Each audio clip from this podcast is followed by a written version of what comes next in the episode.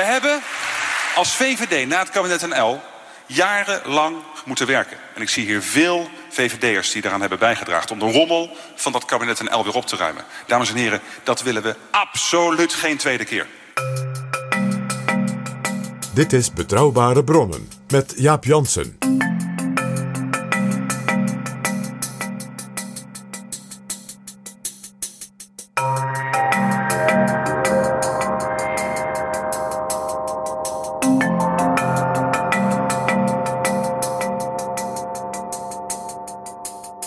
Welkom in Betrouwbare Bronnen aflevering 325. En welkom ook PG. Dag Jaap. PG, we gaan het hebben over Mark Rutte. Hi, goedemorgen. En over de Mark Rutte die het niet voor het eerst heeft over Joop den Uil.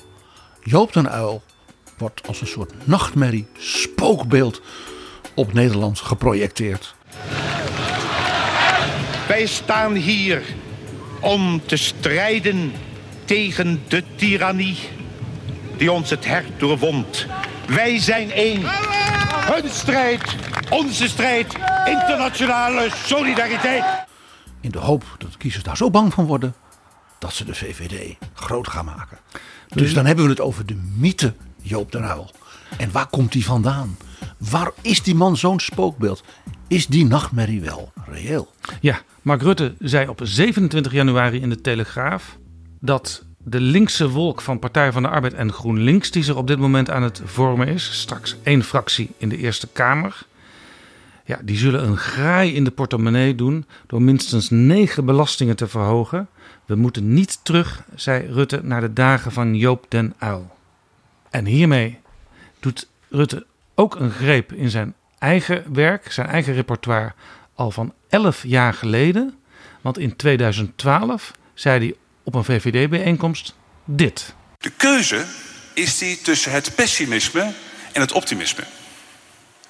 Het is de keuze tussen Nederland achter de dijken of Nederland in de wereldtop.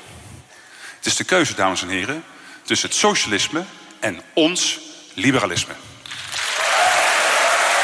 Maar, dames en heren, we moeten de socialisten één ding nageven. Want op één punt realiseren ze hun agenda in landen waar ze lang in de macht zijn. Uiteindelijk is iedereen gelijk, want iedereen is arm. Dat lukt ze. We hebben als VVD na het kabinet NL jarenlang moeten werken. En ik zie hier veel VVD'ers die daaraan hebben bijgedragen om de rommel van dat kabinet NL weer op te ruimen. Dames en heren, dat willen we absoluut geen tweede keer. Wat je hier hoorde was dus niet iets uit de campagne voor de Provinciale Staten van 2023. Nee, dit was uit de Tweede Kamerverkiezingscampagne voor 2012. Elf jaar geleden. En toen was het spookbeeld Den Uil was dus een wapen tegen Emiel Roemer, waarvan sommige mensen toen dachten dat hij zelfs premier zou worden vanwege de peilingen voor de SP. En natuurlijk die verschrikkelijk gevaarlijke linkse Diederik Samson. Met wie die kort daarna overigens ging regeren. Maar zo gaat het vaker en daar gaan we het over hebben in deze aflevering. Maar eerst, PG, zijn er nog nieuwe vrienden van de show? Jawel, Jaap, die zijn er. En wat vinden we dat toch elke week weer leuk. Want dat is een uiting van waardering eh, door luisteraars die toch gewoon zelf beslissen: ik ga vriend van de show worden. Dus ik vind het elke keer weer leuk om ze ook allemaal persoonlijk te noemen en daarmee persoonlijk te bedanken. Dat geldt dus dit keer voor Daniel, Willy, Peter en Carla. En er is ook nog een losse donatie binnengekomen. Van Wouter. Dankjewel, Wouter. En dan nog iets wat voor ons belangrijk is. Af en toe hoor je in betrouwbare bronnen een advertentie. Vaak voordat de aflevering begint, soms halverwege en soms aan het eind. Maar vaak ook niet. En dat is jammer, want we hebben graag meer adverteerders. Want ook daarmee houden we betrouwbare bronnen online. En als jij nou werkt bij een organisatie of een bedrijf waarvoor het misschien best nuttig kan zijn om bij ons te adverteren, neem dan contact op via adverteren@dagenacht.nl. En je bereikt via betrouwbare bronnen een interessant publiek van mensen, ook een groot publiek van mensen. Heel veel jonge mensen. Met grote maatschappelijke politieke belangstelling. En natuurlijk, ja, ik zeg het een beetje uh, ondeugend, Jaap. De decision makers van Nederland en in Brussel. Stuur een mailtje aan adverteren.daganacht.nl en dan neemt de reclameafdeling van Betrouwbare Bronnen, ja ja, neemt dan contact met je op. Adverteren, Dit is Betrouwbare Bronnen. Jaap Jansen en Pieter Gerrit Kroeger duiken in de politieke geschiedenis. PG, we zijn op weg naar de statenverkiezingen. Weet je nog, vier jaar geleden de statenverkiezingen? Toen was er een tweestrijd tussen Mark Rutte en Thierry Baudet.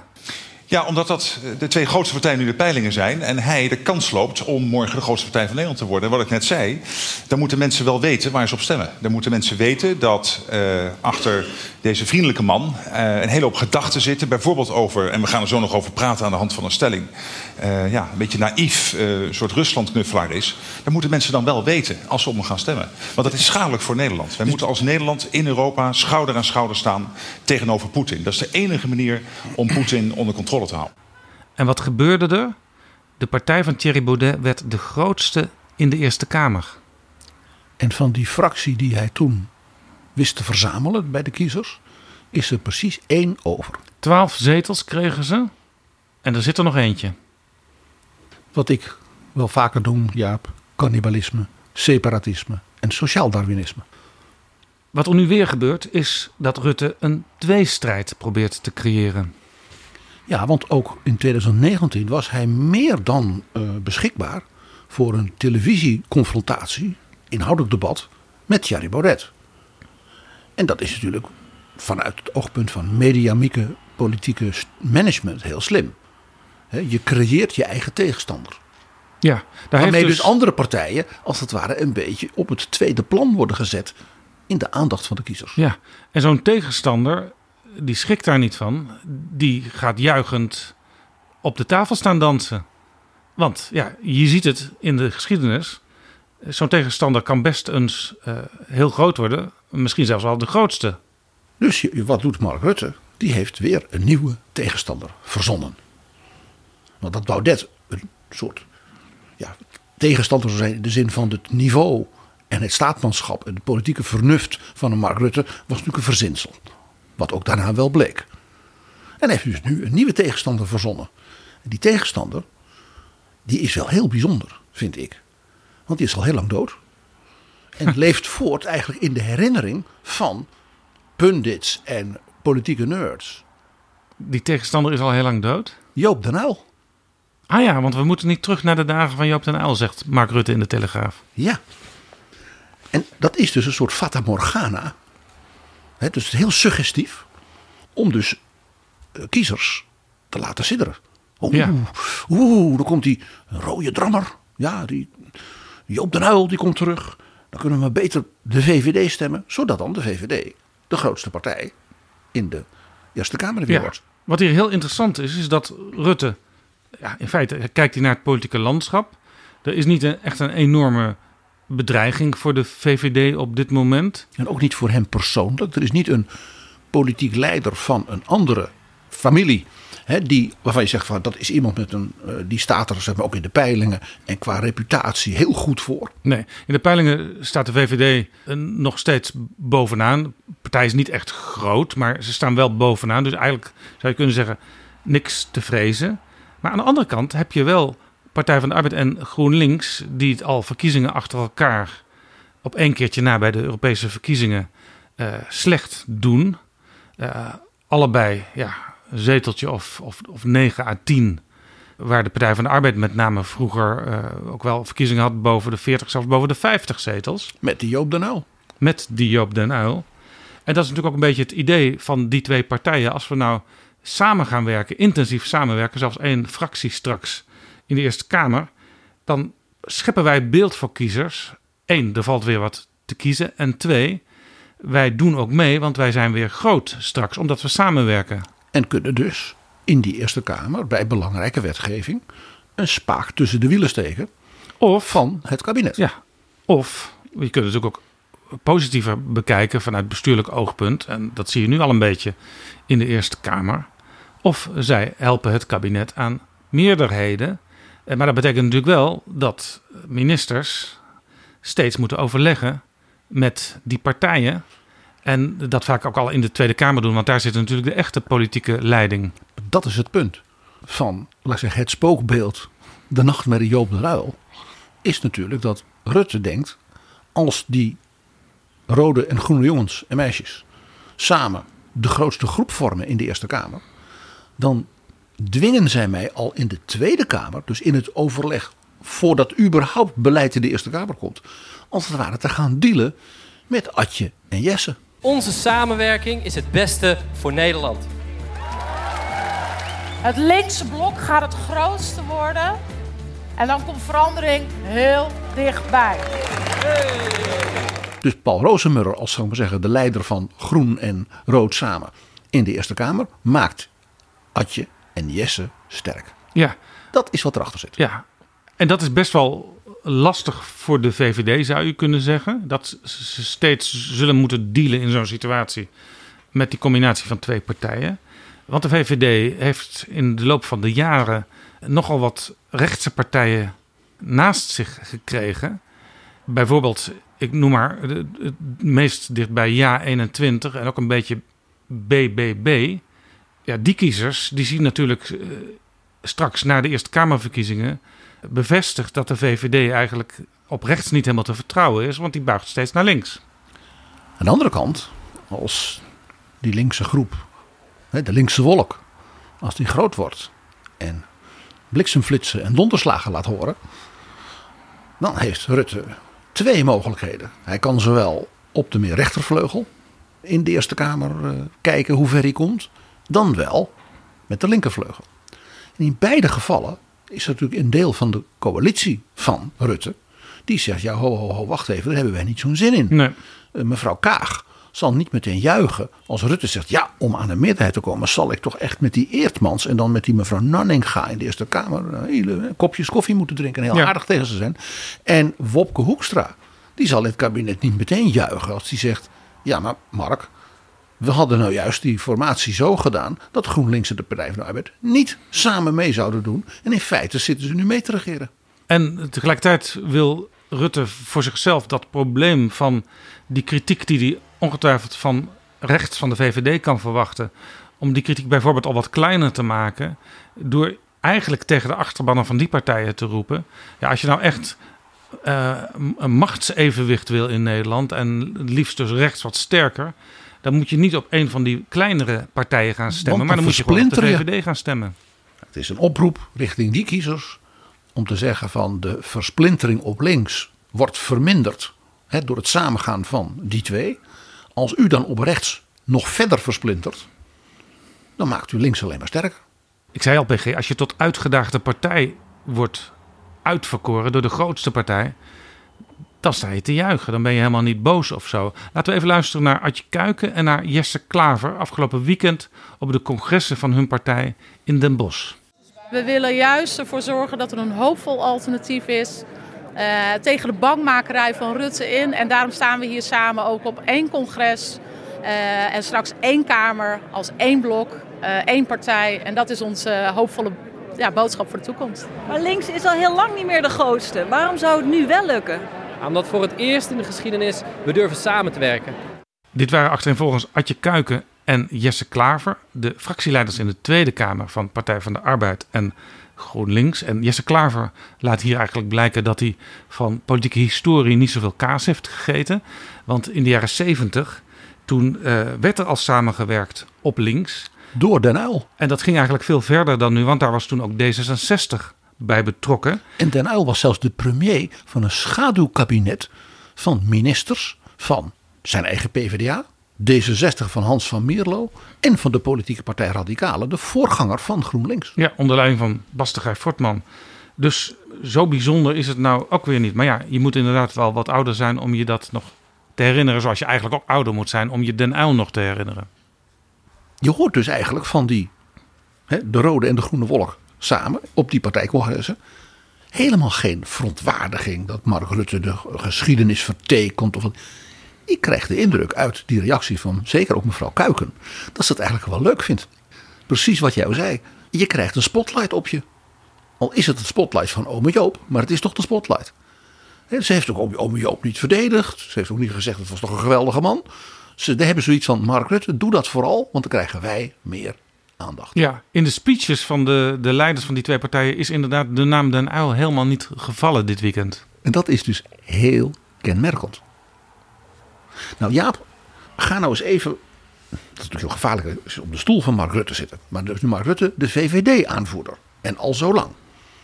Die heeft natuurlijk zowel strategische als tactische overwegingen om dit, dit merkwaardige spookbeeld, hè, deze nachtmerrie, Ja. ome Joop, Ja. op te roepen. Ja, de vraag is dus eigenlijk: waarom heeft Mark Rutte in zijn bureau dat laadje 2012 weer opengetrokken?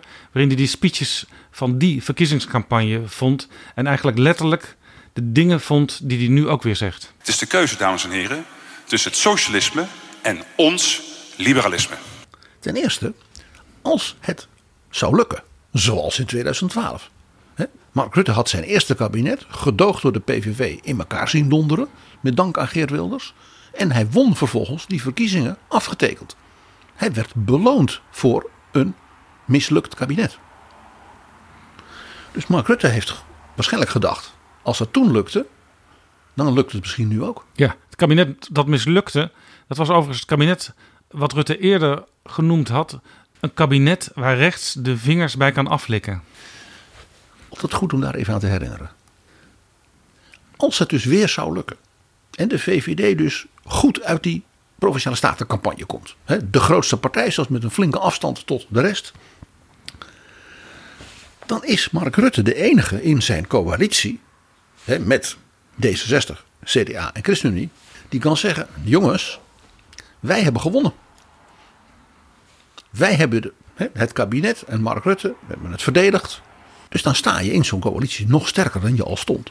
Er komt nog bij, als dus de andere partijen, als je kijkt naar de peilingen, zowel D66 als het CDA, niet zo'n geweldige uitslag zullen maken, en dan zeg ik het netjes, dan wordt het voor hen dus nog moeilijker om te zeggen, ja, als we willen onze zin doordrijven tegen die Rutte, maar ja, ze hebben eigenlijk niet veel, zeg maar, ja, kans daarbij. En bovendien, als ze zouden zeggen, we breken de coalitie, nou, dan zegt Rutte, kom maar op met die Kamerverkiezingen. Ja, Ik heb, ik heb tenslotte ook bij de Eerste Kamer weer bewezen ja, dat ik en mijn VVD dat wij winnaars zijn. En jullie eh, hebben, hebben, hebben, zijn bont en blauw geslagen door, door dezelfde kiezers. Ja, aan de andere kant werkt het ook wel eens zo dat eh, partijen die het slecht doen bij tussentijdse verkiezingen, eh, daarna een aantal overwinningjes nodig hebben. Dus dan zal Rutte ze daar misschien wel aan moeten helpen.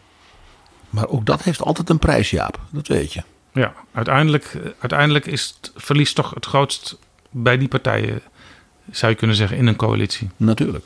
De machtsverhoudingen binnen zo'n coalitie verschuiven ten gunste van de winnaar. Tweede overweging voor Rutte is natuurlijk dat als de VVD hè, met ome Joop als nachtmerrie die verkiezingen goed doet, dat dat natuurlijk een desillusie is voor die linkse volk en die pogingen om daar samen weer sterk uit voor te komen. Want ze zullen dan vaststellen dat dus de versplintering op de linkerkant eh, ja, niet voldoende hè, kon worden voorkomen. En ja, eh, dat is natuurlijk voor PvdA en GroenLinks een heel vervelend. Als ze zeggen, nou ja, we hebben dus toch niet die overwinning geboekt. En ja, we hebben dus gewoon last van dat er op de linkerkant ook nog een SP is. En de Partij voor de Dieren. En bij een van Sylvana Simons.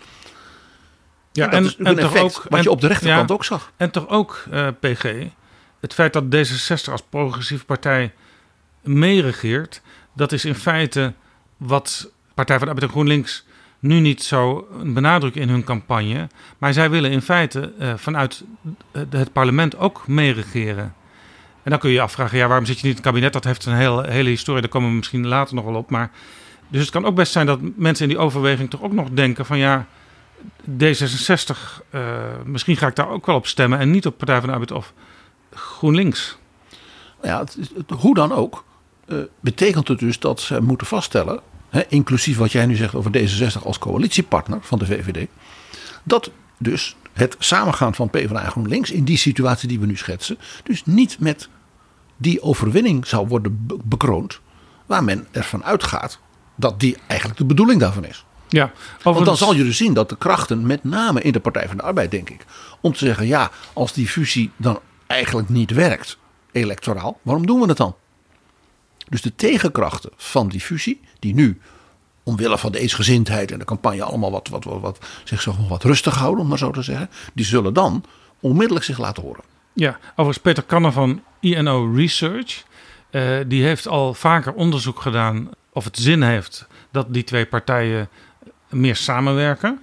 En volgens hem heeft dat zin. In december heeft hij nog een onderzoek gedaan waaruit blijkt dat eh, dat er echt een plus eh, voor Partij van de Arbeid en GroenLinks in zit als ze op deze manier campagne voeren. En wat hij ook zag, is dat er ook een plus in zit voor de VVD. Dus Partij van de Arbeid en GroenLinks helpen ook de VVD aan meer zetels. Ik zei het niet voor niks dat hij, dat Rutte Joop den Uyl als spookbeeld om allerlei redenen goed kan gebruiken. Derde belangrijk effect als het Rutte zou lukken, waarom hij dus dit doet, is natuurlijk naast de desillusie op de linkerkant een desillusie op de rechterkant. Want de VVD is dan toch weer ja, de sterkste. De vorige keer, jij wees erop, was natuurlijk Forum voor Democratie van Thierry Baudet de sterkste. Uit het niets. Nou, ja, die partij is verdampt. Ik bedoel, niemand van de mensen die door Baudet toen naar voren zijn geschoven. om in de Eerste Kamer dus zijn geluid te laten klinken. wil nog iets met hem te maken hebben. Dat Nee. geldt voor Henk Otte, Nee. dat geldt voor mevrouw Nanninga. Ja, Er is er eentje overgebleven van dat hele stel. die nog zeg maar, het ware Thierry Baudet geluid laat horen. ja. Daarnaast Zo'n soort rol zou nu misschien wel eens door de boer-burgerbeweging gespeeld kunnen worden. Die in feite net als Vorm voor Democratie destijds bestaat uit één persoon tot nu toe. Want bijna geen Nederlander kent iemand anders dan Caroline van der Plas. Dus het is een groot raadsel uiteindelijk hoe die partij het zal gaan doen als ze meer zetels gaan krijgen. En ja, wij weten natuurlijk uit de geschiedenis van dit type partijen op die flank wat er dan gebeurt. Namelijk altijd weer hetzelfde. En ik zeg altijd maar LPF 2.0. Wat je dus nu ziet is dat dus die winst van Forum van de vorige keer in feite nu dus uit elkaar valt. En niet alleen Forum en ook die fracties van Forum in de Eerste Kamer vielen uit elkaar. Maar je hebt dus nu inderdaad eh, eh, de BBB, je hebt Ja21, je hebt BVNL van Haga. En je hebt natuurlijk nog altijd de PVV Ja. van Wilders. Ja. Dus op die rechterflank heb je dus allemaal partijen die dan moeten toegeven: het is Mark Rutte weer gelukt. En ten tweede, ze zijn vooral elkaars rivalen. Die zijn vooral met elkaar bezig. Ja, dat En was niet een- met, het, niet met Ja. de wetgeving en niet met de regeren van het land. Het was ook een beetje een sippe reactie van Geert Wilders op dat Telegraaf-interview van Rutte. Waarin hij waarschuwde van geloof er maar niks van, leugens van Rutte. Want eh, na de verkiezingen gaat hij gewoon samenwerken met die partijen die hij nu bestrijdt. En daar heeft Wilders natuurlijk niet helemaal ongelijk in als we de geschiedenis bekijken. Wilders is natuurlijk een scherp calculerende VVD'er. Daar komt hij vandaan. Nou, dan is er nog een vierde belangrijk, zeg maar, politiek, tactisch punt waarom Rutte dit doet. Als dus de VVD het goed doet, hè, met dank aan de nachtmerrie op de rouw, dan blijft het verlies van zijn coalitie bij die statenverkiezingen misschien wel wat beperkt. Maar dan wel dankzij Joop den Uyl en de VVD. En dat betekent dus dat hij dan zijn handen nog meer vrij heeft in de Tweede en vooral dus nu ook de Eerste Kamer. om wat ik maar noem gedoogdeals te maken. Dan zie ik iets Met gebeuren. zowel dus die linkse wolk. Hè, als met, als het, een keer, als het hem een keer handiger uitkomt. met bijvoorbeeld zo'n BBB. Dan zie ik iets gebeuren in het torentje PG. Want daar hangt Torbekke, je zou kunnen zeggen de liberale aartsvaarder. Daar hangt ook eh, Pieter Kort van der Linden. Terecht. De premier van 100 jaar geleden, eh, waarna er heel lang geen liberale premiers meer waren, tot Rutte aantrad. Eh, volgens mij staat er ook Willem Drees, een borstbeeld. Maar er moet dan denk ik dan ook een foto van Joop den Uyl aan de muur bij worden gehangen. Want daar heeft hij dan veel aan te danken voor de rest van deze kabinetsperiode. Dit zou zo langzamerhand. zou dat eigenlijk eh, Mark Rutte wel sieren. als hij een mooi portret van ome Joop. Ja, of, of, in het torentje hing. Of het borstbeeld van Joop den Uyl, wat in het Tweede Kamergebouw aan het Binnenhof altijd bij het Kamerrestaurant stond. En wat nog wel eens ontsierd werd door VVD'ers die daar langs liepen. En dan een kuipje boter op het hoofd van Joop den Uyl plaatsten. boter op het hoofd. En ja, er is nog een vijfde belangrijk strategisch oogmerk van Rutte door het zo te doen. Hij probeert dus de kiezers angst aan te jagen en daarmee de grootste te worden. Wat hij daarmee dus ook doet, is dat hij het mysterie over zijn eventuele ooit vertrek en opvolging nog verder vergroot. Want hij heeft dus dan die verkiezingen gewonnen met Joop den Uyl. Heeft Edith Schippers in de Eerste Kamer geloodst. Wat dus ook weer allerlei geruchten natuurlijk oproept. Maar ja, hij kan wel zeggen, ik ben een winnaar. Dus ik blijf. Voorlopig in elk geval. En weet je van wie? En ja, hij kan ook zeggen dan, ik ben een winnaar. Maar als hij bij wijze van spreken ineens zou besluiten iets anders te gaan doen. Dat hij ook nog tegen de VVD kan zeggen: vrienden, kijk eens. Ik heb anders dan veel andere partijleiders en premiers in de decennia voor mij de zaak keurig geregeld. We hebben een voortreffelijke, ervaren leidersfiguur in Edith Schippers. Maar ik kan ook zeggen, ik blijf voorlopig nog. Want ik zie om mij heen in de VVD allemaal hele goede jonge talenten. Die wil ik laten uitgroeien. Meer ervaring. Dan bloeit onze hele partij. En één van hen zou het dan eventueel ook kunnen doen. Dat hoeft helemaal niet Edith Schippers te zijn. Waarom niet Christiane van der Wal? Waarom niet de jonge en dynamische Dennis Wiersma? Denk eens aan Dylan Jessilgus en denk ook zelfs aan Sophie Hermans. Ja, dan noem je wat namen. En zowel Edith Schippers als Dylan Jessilgus, daar krijg ik ook wel signalen van dat die het ook wel zouden doen als ze gevraagd worden. Dus daar zitten wel, wel potenties. Maar Rutte, maar Rutte verhoogt dus door deze campagne inzet. En met, dus de, met als gedachte, zo wordt de VVD opnieuw groot, sterk en machtig. Hè, via de Provinciale Staten weer in de Eerste Kamer. Vergroot hij dus ook zijn opties. En daarmee het mysterie over zijn eigen toekomst. En daar heeft hij zelf natuurlijk alleen maar belang En weet je, PG, van wie Mark Rutte dit geleerd heeft? Dit heeft hij geleerd van Joop ten Uyl. Want die had namelijk ook eh, vier of vijf opvolgers om zich heen. Die ook onderling in de clinch lagen. Soms kreeg die het podium van Joop. Soms kreeg de ander het podium van Joop. En dat waren ook allemaal jonge, En in feite, dynamische, voortreffelijke jonge ministers. en in feite was het toch een beetje eh, Shakespeareaans verdeel en heers wat daar plaatsvond. Was- Tot, tot, tot bijna alle opvolgers verdwenen waren van het toneel. En er toch echt wel zware druk op Joop moest worden uitgeoefend. om ja, dan toch maar met Wim Kok als opvolger in zee te gaan. Ze stonden ook samen op het affiche.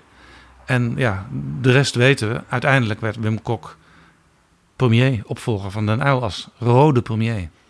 En dat tweede kabinet een uil, dat kwam er nooit. Maar dat tweede kabinet Kok kwam er wel. Dus in zekere zin heeft de Partij van de Arbeid misschien wel geleerd, ook uit eh, de periode daarvoor, hoe je het moet doen en hoe je het niet moet doen. Maar dat Den Uil met zijn kroonprinsen, hè, zoals ze wel werden genoemd, ook wat speelde. Dat zie je dus Mark Rutte ook doen. Want Mark Rutte is een liefhebber van natuurlijk de politieke geschiedenis. En weet dit soort dingen heel goed.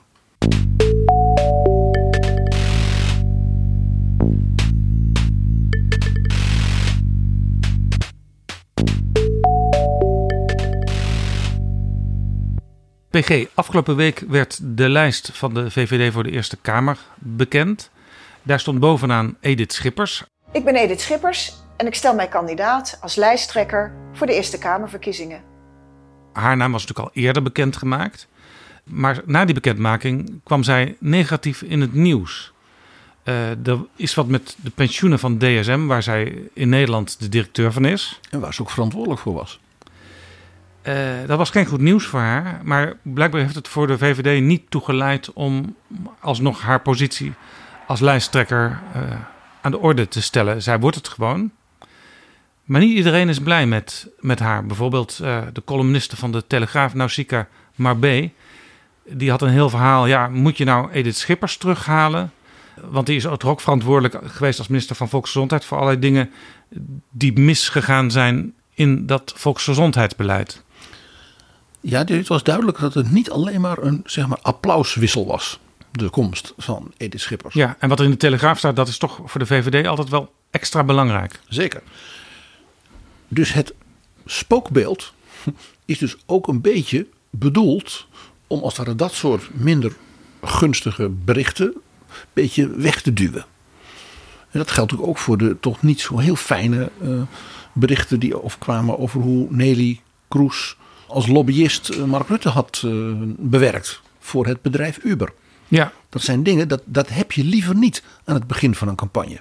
Dus dan is zo'n spookbeeld oproepen eigenlijk ook een poging om dat soort dingen als het ware maar zo snel mogelijk te laten vergeten. ja want Nelly Kroes werd toen zij weg was als eurocommissaris lobbyist voor Uber. Wat zij helemaal niet mocht zo snel. En Uber die stond niet in een goed blaadje bij de politiek. eh, want die hadden illegale dingen gedaan vanuit de hoop dat als ze het eenmaal zouden doen, dat het wel eh, ja, witgewassen zou worden en de politiek, de overheid het wel zou gaan accepteren. Nelly stuurde een mailtje aan Mark Rutte om even bij te praten. Onder andere over Uber. Lees voor, Jaap. Het was in de vakantie en Nelly schreef... In Gould aan het genieten? Of inspecteer je je koninkrijk? Ben jij volgende week weer in het torentje? Zo ja, heb je volgende week een half uur voor mij. Heb een fascinerende ontmoeting gehad met founder van Uber. Kan mijn kleinzoon zijn. Hij doet mij denken aan Steve Jobs toen ik bij hem thuis over de vloer kwam. Je moet hem ontmoeten. Net heeft kansen. Nederland heeft kansen. Ben vrijdag terug uit SF Travis. Zou volgende week kunnen invloegen. Best Nelly. Nou, die brief die heeft Mark Rutte onmiddellijk aan zijn ambtenaren doorgegeven. Kunnen jullie daar een antwoord op formuleren? Want dit moet ik even niet hebben. En dat antwoord dat was heel omzichtig ambtelijk geschreven. Maar het kwam erop neer dat het eigenlijk nu niet zo goed uitkwam. Maar goed, tegenwoordig moet alles transparant zijn. Dus ook dit is boven tafel gekomen. En dus geen goed beeld. In ieder geval niet voor Nelly Kroes. En eigenlijk best wel een goed beeld voor Mark Rutte. Want je ziet dat hij meteen door had. Dit moet ik niet aan mijn fiets hebben hangen. Waarbij er vervolgens overigens wel een foto is gemaakt van Rutte met Nelly en die zo fascinerende jongeman. Ja, want je komt elkaar toch altijd weer tegen.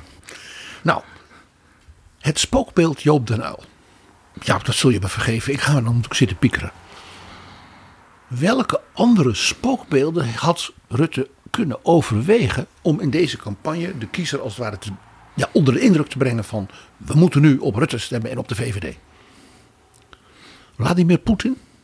Van we moeten nu hè, de partij van de premier in moeilijke tijden steunen. Ja, maar op Baudet na is er natuurlijk niemand die zegt van uh, ja, die Poetin, dan moeten we toch maar, hè, dan moeten we toch maar weer samenwerken. Of nee, zo. hij kan Dus moeilijk, en hij kan moeilijk Caroline van der Plas als spookbeeld opvoeren. Er zijn grenzen. Dus Poetin is als spookbeeld naar de kiezer niet onderscheidend van andere partijen, behalve dan Forum. Nou ja.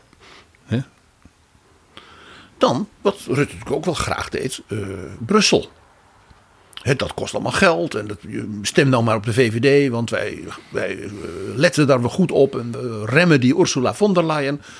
Is op dit moment geen populair thema. Nee. Want de EU en ook mevrouw von der Leyen worden eigenlijk breed ja, gewaardeerd om de aanpak van de voorbije jaren. En ook nu weer in de oorlog in Oekraïne. Ja, een aantal jaar geleden was de ontvangst van alles wat er in de Europese Unie gebeurde niet zo goed in Nederland.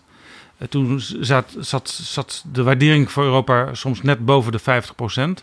Inmiddels is het iets van 75%, echt heel hoog. Ja, ook dus in een- historisch opzicht. Ja, dat is een markante stijging, eigenlijk de voorbije eh, zeg, vijf jaar. Ja, en zeker in sinds, heel Europa. Zeker sinds de oorlog in Ja. Oekraïne begon. Ja, dus die markante stijging was al gaande. En de oorlog in Oekraïne heeft als het ware een soort extra impuls aan gegeven.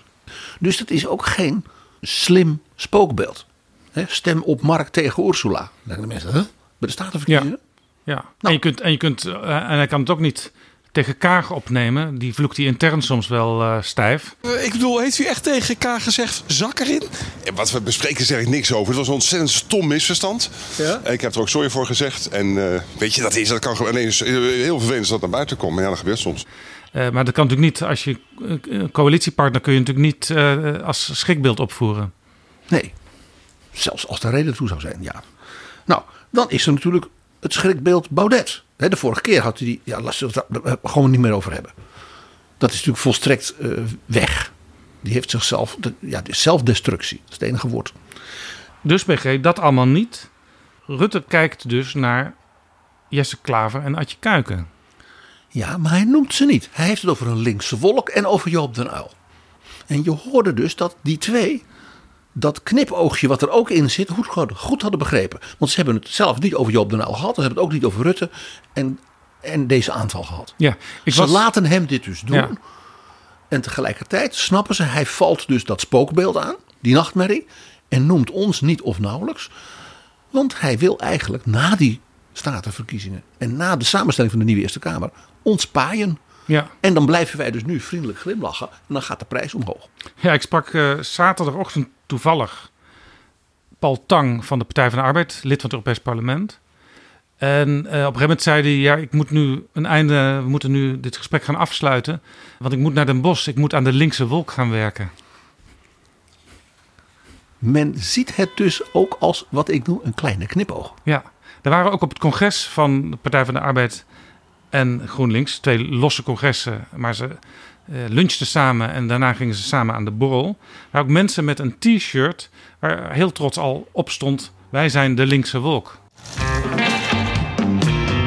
Die eh, campagne heeft u afgetrapt met, eh, eh, door, door, door PvdA en GroenLinks de linkse wolk te noemen. En ook Den L erbij te halen. Niet een beetje goedkoop dit. Nee, nee, het is helaas eh, wat het is. Ja, het is wat het Maar, maar, maar dan Den L erbij halen. Doe- Ik wil, toen was ik nog niet eens geboren. Dat, dat is toch een beetje... Wel, maar je kent hem wel, blijkt. Maar, maar dat is toch een beetje dan een soort tweestrijd creëren waarvan je denkt, ik bedoel, Hugo de Jonge noemde het armoede. Het is toch Nee, een soort van samen. tweestrijd creëren waarvan je denkt, een beetje opzichtig. Nou, dat vind ik niet. Die partijen samen, die eh, zouden wel eens de grootste in de Eerste Kamer kunnen worden. En dan kunnen zij veel dingen proberen bij te sturen in de verkeerde richting. Wij hadden dus al gezien dat deze politieke manoeuvre van Rutte alles behalve origineel was. Hè, 2012. Precies hetzelfde.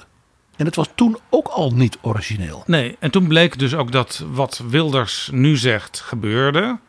Eh, Rutte versus Samsom uiteindelijk in die campagne. En daarna werden ze de grootste vrienden, persoonlijk, maar ook politiek. Want ze gingen samen met zijn- hun partijen regeren. zijn dezelfde avond van die verkiezingsuitslag, waarbij dus hun beide partijen, nou tot groot gejuich van de achterban, hè, op zo'n avond eh, de winnaars waren, op het pied-à-terre van Loek Hermans in Den Haag samen gaan zitten. En toen hebben ze gezegd, ja, we zijn alle twee winnaars. We hebben een duidelijke meerderheid eh, in de Kamer. Dus wij gaan samen regeren. Ja. Punt. Wat, de Telegraaf toen ook zag. En die kopten meteen op de voorpagina Marx Rutte. Met zelfs een tekening van Karl Marx erbij. Dus in zekere zin heeft het dan ook wel weer een beetje risico op termijn voor de VVD. Want je moet ook wel de vrienden van de Telegraaf niet al te ver van je vervreemden. Maar dan geef je weer zo'n interview. Samen met Edith Schippers. Dan begin je over Joop de Uyl. Maar Jaap, jij zult je nog kunnen herinneren dat in die campagne vlak voor de verkiezingen van 2012 Mark Rutte optrad in Pauw en Witteman. Ja. Want jij was daar toen de politiek redacteur. Dat programma heette toen tijdelijk even één voor de verkiezingen. Dat was in Utrecht. En we dachten, Peter K. en ik, laten we PG Kroeger eens uitnodigen. Want jullie hadden een eh, zeg maar, historische, een beschouwer wilde je hebben aan tafel. En die mocht niet van de VVD zijn, mocht ook niet. eh, Hè, dus toen dachten ze, nou, eh PG heeft wel eens boeken over het CDA geschreven. En eh, misschien is dat de goede. ervoor. Ja, en het was ook al zo dat mm, de VVD-campagne die was zich gaan bemoeien met de inhoud van het programma. Want eigenlijk zou ook aan tafel zitten Freek de Jonge. En dat was door het campagneteam verboden. Anders komt Mark niet, werd er gezegd. En toen is in in plaats daarvan Theo Maassen aan tafel gezet. Nou, dat was denk ik ook voor de VVD-campagne niet heel fijn dat die daar zat. Nee, ik heb bij geruchten vernomen dat eh, de VVD ook degene die oorspronkelijk zeg maar, op de soort stoel die ik zat zou komen, ook liever niet had. En dat was Jack de Vries. Het is vandaag zaterdag, zaterdag 8 september, nog vier dagen en dan mag u stemmen. Dit is vanuit het centrum in Utrecht, één voor de verkiezingen. En Wouke van Schermburg zat er ook. Die was ook kritisch. En de hoofdredacteur van de Telegraaf, waarin ook die ochtend een interview met Rutte had gestaan. Maar die toch ook niet mals was, Paul Jansen, voor Rutte. Want hij zei, ja, die tegenstelling zoek je nu alweer op met de socialisten. Maar eh, ik sluit niet uit eh, dat die partij van de arbeid uiteindelijk dan zo groot wordt... dat jullie niet anders kunnen dan samen regeren. En dat gebeurde daarna ook. En ja, ik had dus de prachtige opdracht van, eh, van jou en je collega's om een wat historische duiding te geven. En ja, dat kon ik natuurlijk niet laten, Jaap. Ik zei, ja, deze campagne die u nu voert, hè, dus dat socialisme tegen on- voor onze liberale vrijheidsgedachten. Ik zeg, meneer Rutte, u bent een kenner, een liefhebber van de Duitse politieke geschiedenis, net als ik. Dit is plagiaat. Dit is de campagne van Helmut Kohl in 1976 en van Frans Jozef Strauss in 1980 tegen de PvdA, dus SPD-kanselier Helmut Schmidt. En wat was in die tijd de leuze van hun CDU-CSU? Vrijheid, stad, socialismus. Rutte die was, dat was erg leuk in die uitzending, want hij was daar niet helemaal op geprepareerd dat die eh, invalshoek zou komen. En, ja, ja, en eigenlijk, eigenlijk kon hij niet helemaal ontkennen dat het misschien niet helemaal origineel was. Nee. En dat was natuurlijk niet leuk. Dat was natuurlijk niet leuk voor hem. En dan uit de Duitse geschiedenis. Hij had ook kunnen zeggen: Oh, ik heb nog nooit van die campagnes gehoord. Maar dat durft hij dan niet te zeggen. Want daar is Rutte gewoon veel te goed geïnformeerd over. Dan dat weet hij dan ook donders goed. Ik ben niet de president, minister-president. Ik moet in het algemeen belang zorgen voor goed bestuur. Ik vind het in het algemeen belang dat er niet minder banen komen, maar meer banen. Dat de belastingen niet omhoog gaan, maar omlaag. Dat de overheid niet groter wordt, maar kleiner wordt. Het is een prachtig voorbeeld wat, wat, wat de heer Rutte hier geeft. Hè. Die zegt dus alsof er partijen zijn die openlijk pleiten voor minder banen is goed voor u. Wat onzin is. Het is dus een bewuste scherpstelling van een niet bestaande tegenstelling. Het is de campagnestrategie van een oppositieleider uh, Paul, uh, tegen het socialisme. Hè, de Helmut Kool uit 76, Wiegel tegen Den Uyl. Het is een retro jaren 70. Dit is de campagne van 2006. Maar met het niveau en de toon van de toenmalige nummer 2 van 2006. Mevrouw Verdonk. Dit is niet wat je zegt van voor de komende 10, 15 jaar. Nou, die kant gaan we met Nederland dat zou, dat zou ook gelet op de grote Europese problemen. Rutte was inmiddels twee jaar premier toen. En het was best wel voor Rutte persoonlijk, denk ik, een riskant dingetje om zo tegen het socialisme te gaan uitvaren. Want ik ken de hele jonge Mark Rutte, toen hij bij de JOVD zat. Uh, toen is hij mij ooit voorgesteld uh, door Jort Kelder. Dit is Mark Rutte, die wordt premier, zei Jort Kelder tegen mij. En Mark Rutte was toen net begonnen aan een campagne, eerst binnen de JOVD en vervolgens ook richting de VVD, om dus dat eeuwige uitsluiten van de Partij van de Arbeid bij regeringsvorming, om daar vanaf te gaan. 1990. Eh, ik vind dat de VVD, en ook de JOVD vindt dat, eh, moet streven naar samenwerking waar dat mogelijk is met D66. Dat één.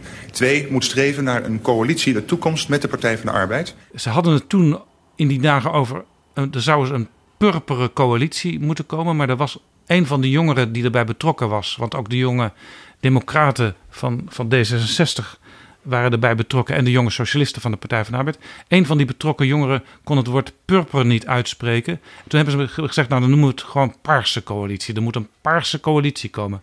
Mark Rutte die staat aan de wieg van het niet meer als vijand tot vijand verklaren van de Partij van de Arbeid. Nou, zou ik dat purper ook weer als historicus onmiddellijk uh, laat ik zeggen, tot grote hilariteit eh, hebben gebracht. Want purper is natuurlijk de officiële kleur van de paus. Ja, er is nog iets veel gekkers, maar dan gaan we heel ver, uh, PG. De anti-revolutionaire partij, die weer eigenlijk helemaal ook weer ver van het Rooms-Katholieke afstond in de gloriedagen. Die gebruikte in de jaren zeventig, uh, herinner ik mij ook nog van boekjes en brochures, de kleur paars. Ja, ook de, de, de posters van de ARP van Biesheuvel. Zeker.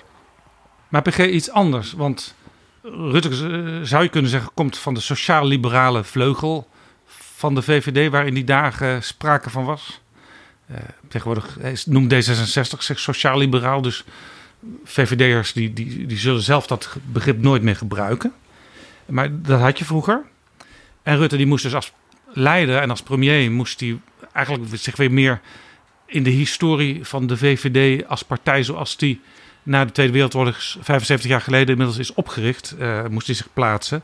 Ja, en als je dan naar de beginperiode van de VVD gaat, onder leiding van Pieter Oud. De burgemeester van Rotterdam. Ja, en samen met Dirk Stikker, de oprichter van de VVD.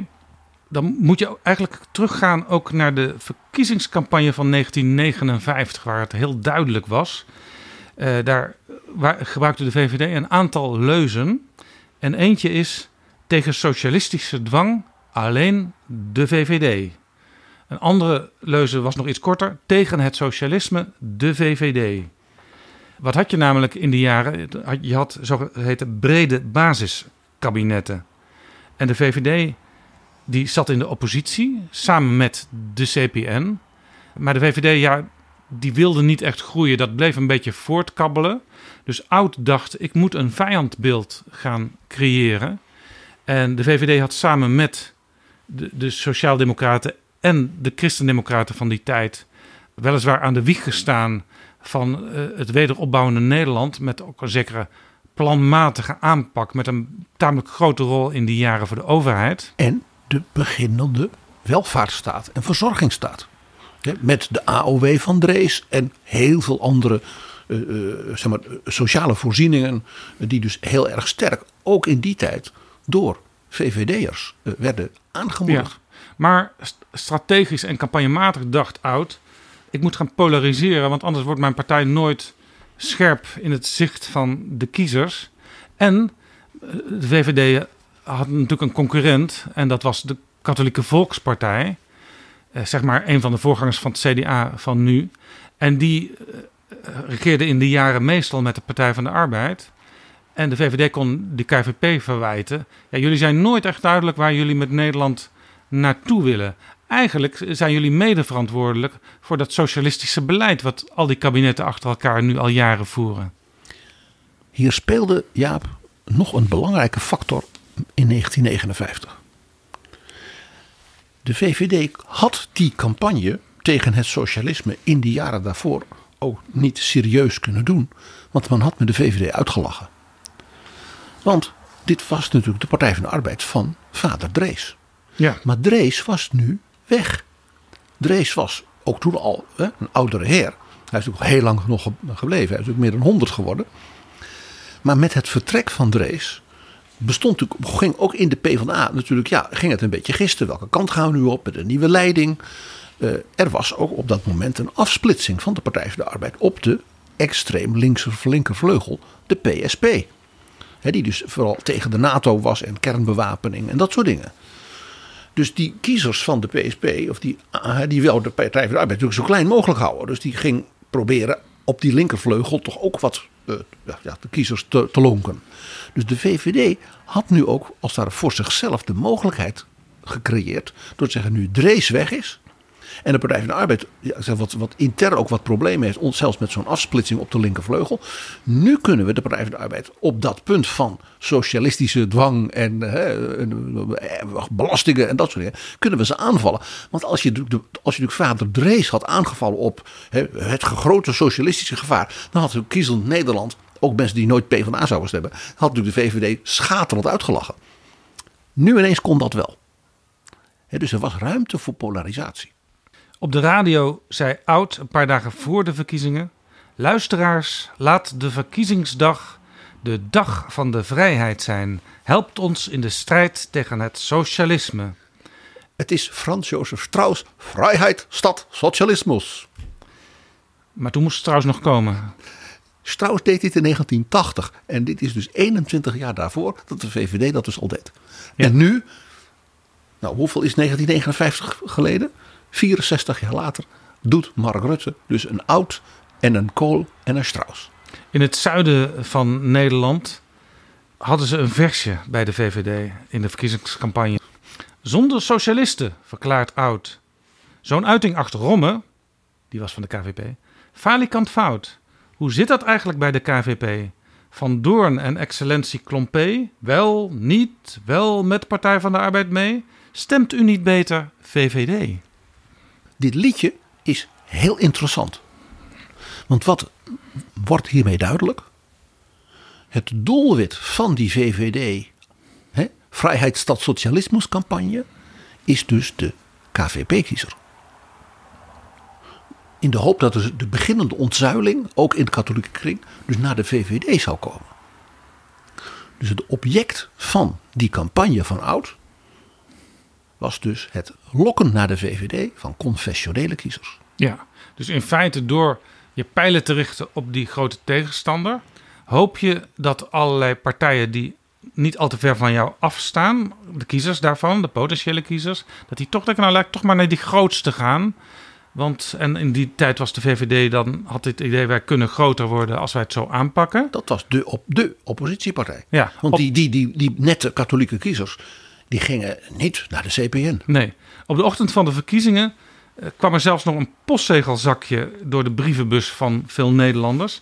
Daar stond op, voordat je het openmaakte, alleen voor boven de 23. Want de kiesleeftijd begon toen op 23. Als je het openmaakte, zat er een plaatje in van een lelijke rode kater. Met als onderschrift: Koopt geen rode kat in de zak. Stemt VVD lijst 4. Nou, dat was precies weer op dezezelfde doelgroep gericht. Ja, en het is helemaal ook diezelfde insteek van dus de CDU onder Kool en Strauss. Toen was het ook, dat werd dan ook wel de rode sokkencampagne genoemd. Ik heb nog een uh, advertentie in de krant gevonden uit 1959. Met als grote kop daarboven: De enige partij die stelling durft te nemen tegen de socialistische doordrijverij is de VVD. Voor samenwerking van vrijheidslievende partijen geen verdere socialistische experimenten. Jaap, let ook op de associaties van eh, dit type campagne met dat begrip socialisme. En dus ook met Den Uil, hè, bij Rutte nu. Doordrijverij, dwangmiddelen, eh, rode kater. Hè, dus er zit een soort sfeer omheen van dat zijn mensen die willen eh, je dicteren. Die willen je geld afpakken. Die, hè, dat zijn dwingelanden, drammers. Dat is een heel belangrijk motto daarbij. En het werkte ook, want de VVD ging in kiezersaanhang van 502.530 stemmen naar 732.658 stemmen. Met andere woorden, van minder dan 9% naar meer dan 12% van de kiezers. Ja, en de VVD kwam toen ook in het kabinet met de confessionele partijen. En zoals wij aan het begin van dit jaar, ja, bij de blik vooruit op dit jaar al vaststelden, ging het toen vier jaar later, in 63, dus niet zo goed met de VVD. Nee, toen... Want toen ontstond die versplintering, hè, die we later uh, uh, nog meer zouden zien. Ja, toen kwam ook de Boerenpartij voor het eerst. En de VVD die verloor toen weer 2%. Ja, de winst was ze bijna helemaal weer kwijt. Want ja, toen kon de VVD jaar later natuurlijk niet een antisocialistische campagne voeren. Want ze waren zelf in de, in de coalitie gezeten. En de Partij van de Arbeid was oppositie geweest. Ja, en inmiddels had Edso Toxopeus het leiderschap overgenomen bij de VVD. Ik ben trouwens nog wel eens bij hem thuis geweest. Heel, heel aardige, gezellige man. Maar bij Toxopeus bleef de kiezersaanhang ergens in de 10% hangen. Ook bij volgende verkiezingen. En uh, in 1971 was Molly Geertsema de lijsttrekker. Ook hij bleef in die 10% van alle Nederlandse kiezers hangen. De partij ging pas stijgen toen in 1972 Hans Wiegel voor het eerst lijsttrekker werd. Toen ging het uh, van 10% naar 14,5%. Dus meteen toen Wiegel het overnam, kwam de stijging. En Wiegel die ging ook meteen weer terug eigenlijk naar de jaren 50 tactiek van de Partij van de Arbeid als grote vijand aanwijzen.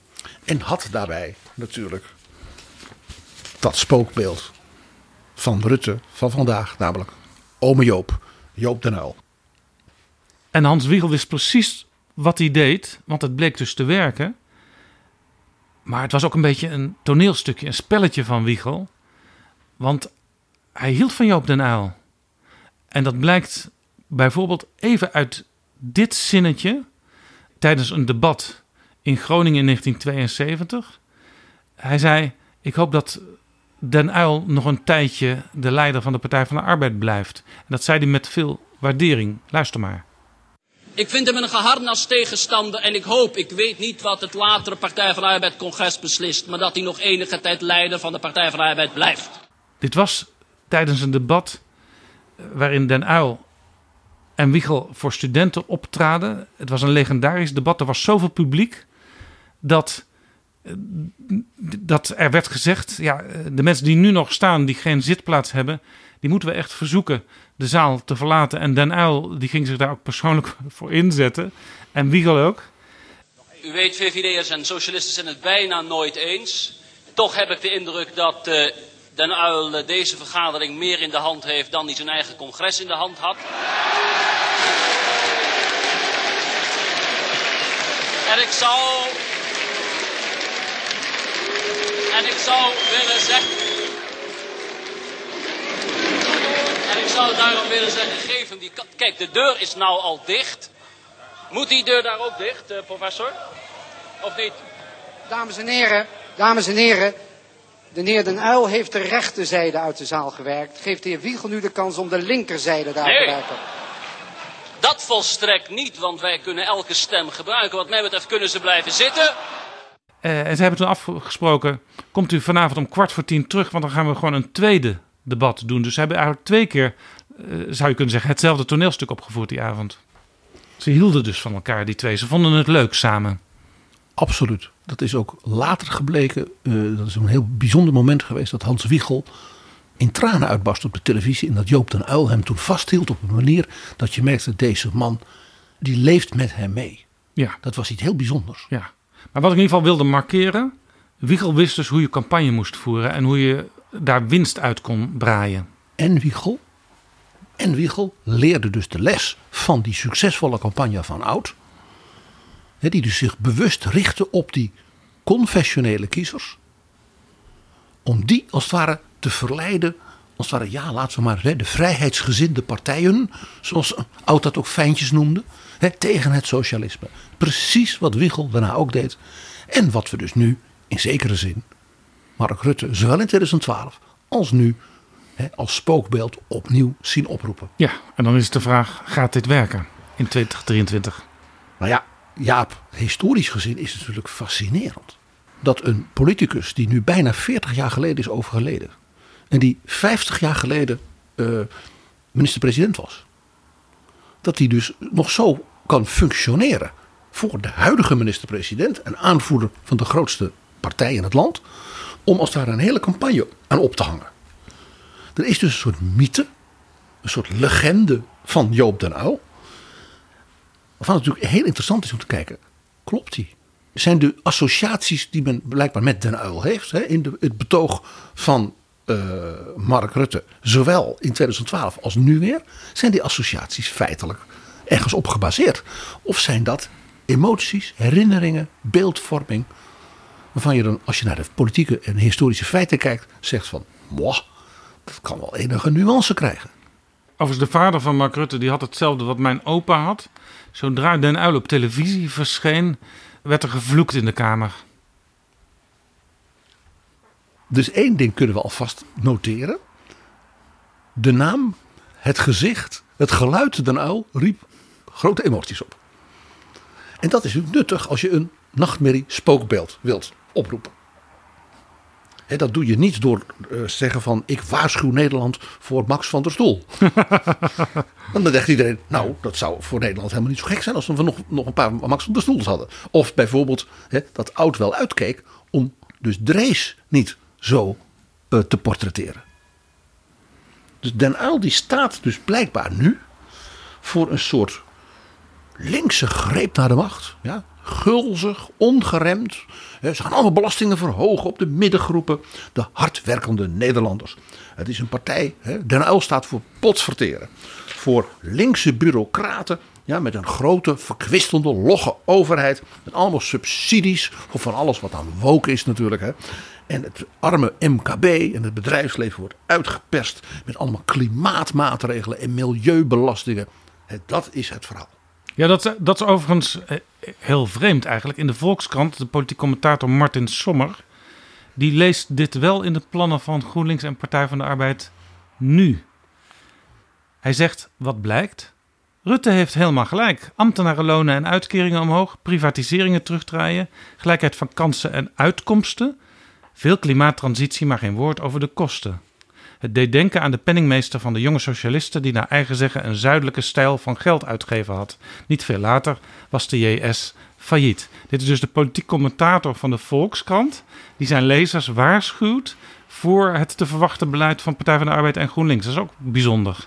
Nou ja, het interessante is dus dat hij eigenlijk zegt dat die angstbeelden die Rutte dus associeert met de tijden van Joop den Uyl dat hij zegt, ja, die kloppen eigenlijk wel. Ja, ja, alleen, dus- alleen de vraag is, kloppen ze nou voor Joop den? Precies. Het, het feit dat ze misschien zouden kloppen voor Adje Kuiken...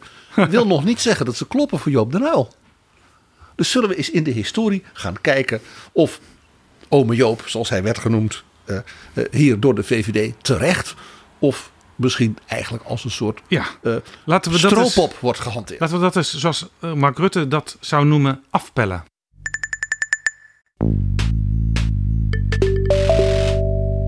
Dit is Betrouwbare Bronnen, een podcast met betrouwbare bronnen.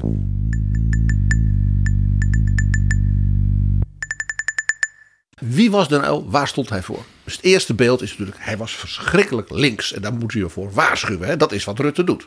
En de man van de Volkskrant in feite ook.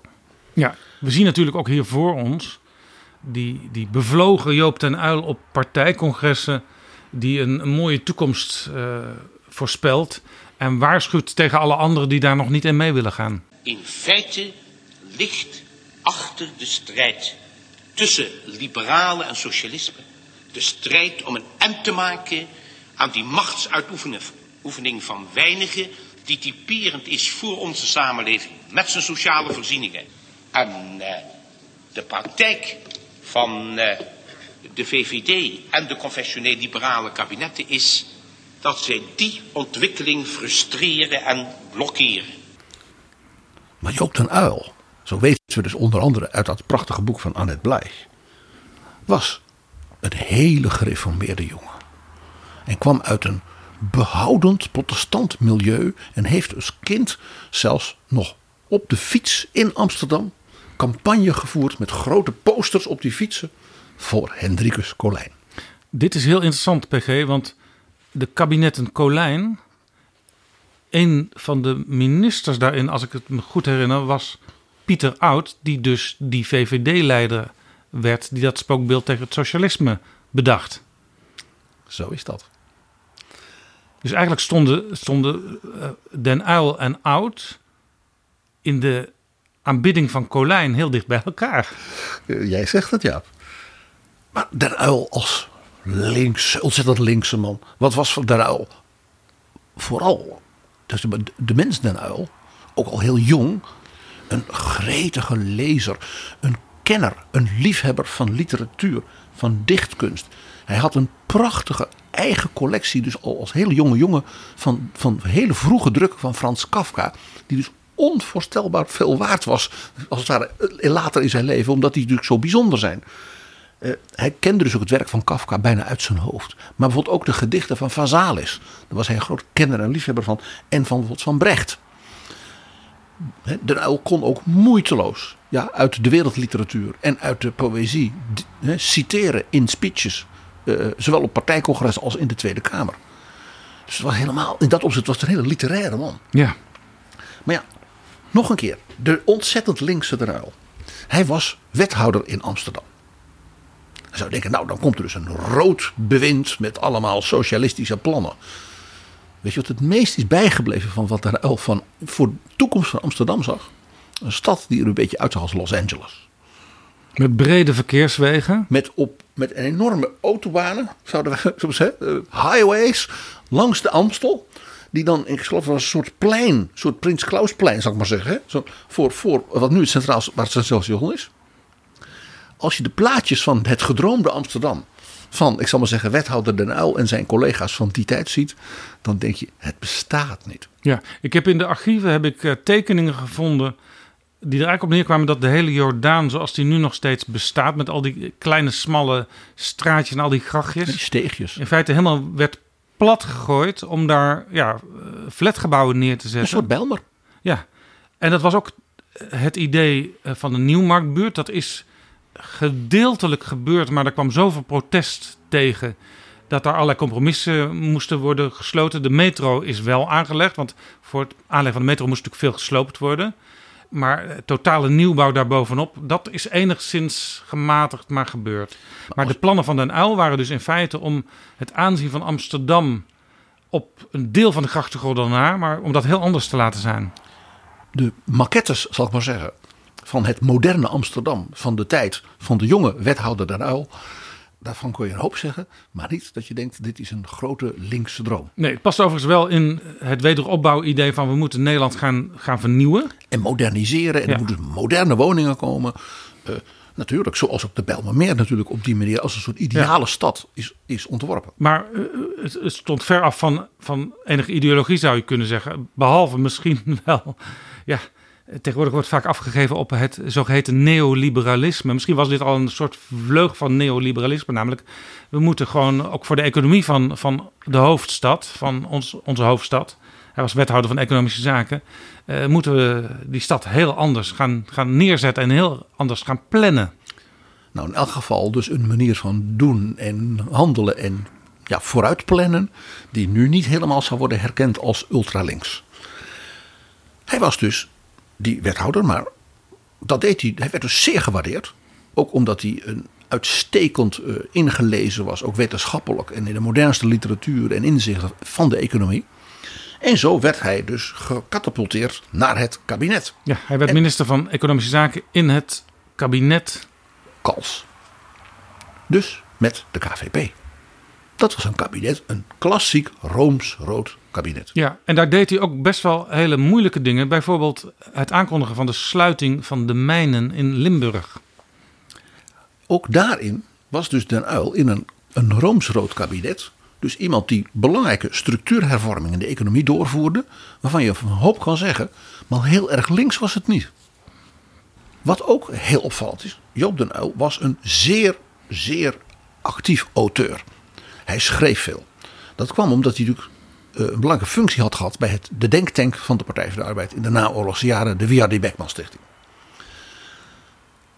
En in die literatuur van hem is dus te merken zeer goed uh, uh, doorwrochte studie van nieuwste economische inzichten. Keynes, John Kenneth Galbraith, dat soort mensen. Dat, ook natuurlijk de impact van de New Deal van FDR, dat was toch wel het, de belangrijke politieke economische filosofie.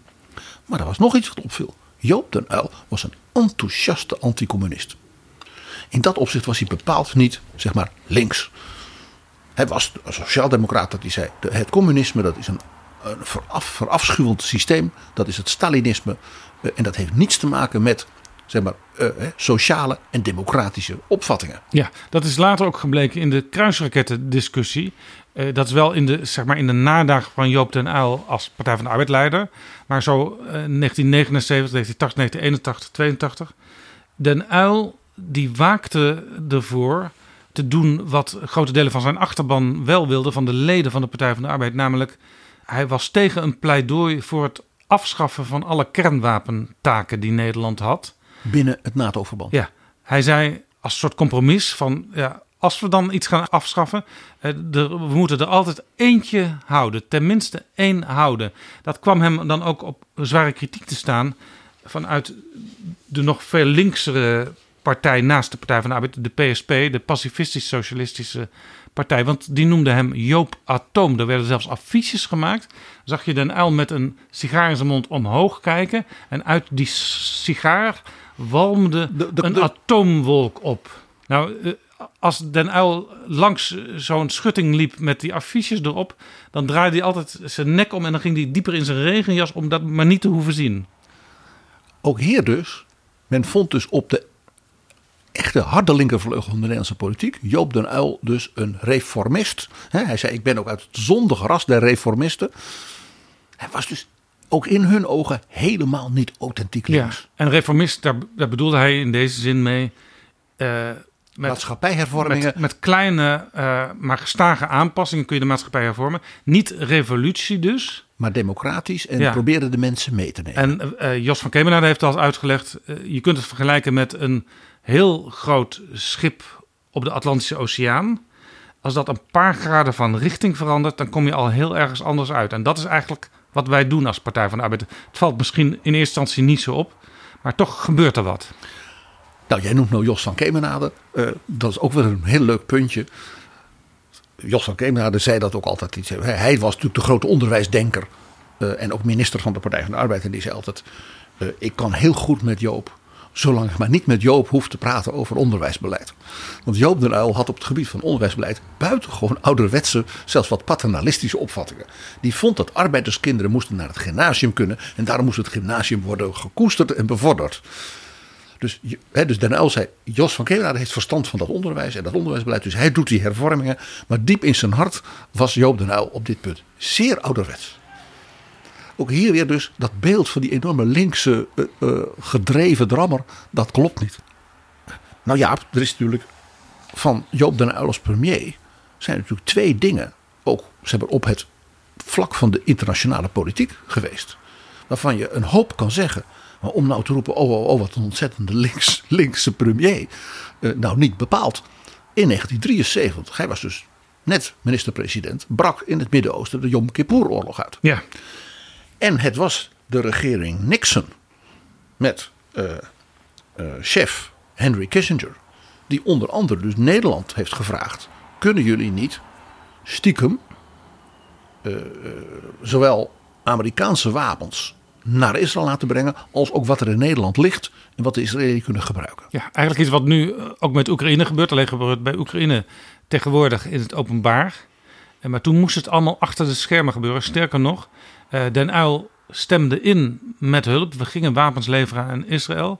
Maar er waren maar een paar bewindslieden in het kabinet op de hoogte. Officieel heeft hij het in de ministerraad dus nooit als zeg maar beleidsdaad. Het was te riskant als het zou uitlekken.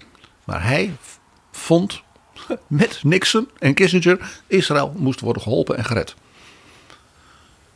Nou, eh, dan nog een punt. Eh, dat is ook voor Mark Rutte nu eh, niet onbelangrijk.